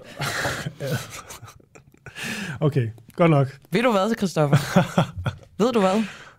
Du har øh, brugt al tiden, så du har forsømt at spørge mig, hvad jeg stemmer den 1. juni. Det er der slet ikke tid til nu, fordi kommer jeg også kan jo ikke svare uden at uddybe. Det kommer i morgen lige inden helligdag og muligt. Det bliver spændende. Nå, for pokker. Øhm, bum, Måske. på med den. Måske siger jeg det. Du Måske stemmer. har jeg besluttet mig. Jeg ved, du stemmer ja. Nå, Camilla, vi får se. Camilla det er altså Boracchi. ikke rigtigt. Nå, Christoffer Lind. Og øhm, ja, vi sendte her i morgen, og så var det Barry Wesley i teknikken. Programmet sat sammen af Peter Svarts, og vi øh, lytter ved i morgen klokken 7. Og tak for alle øh, beskederne. Hej.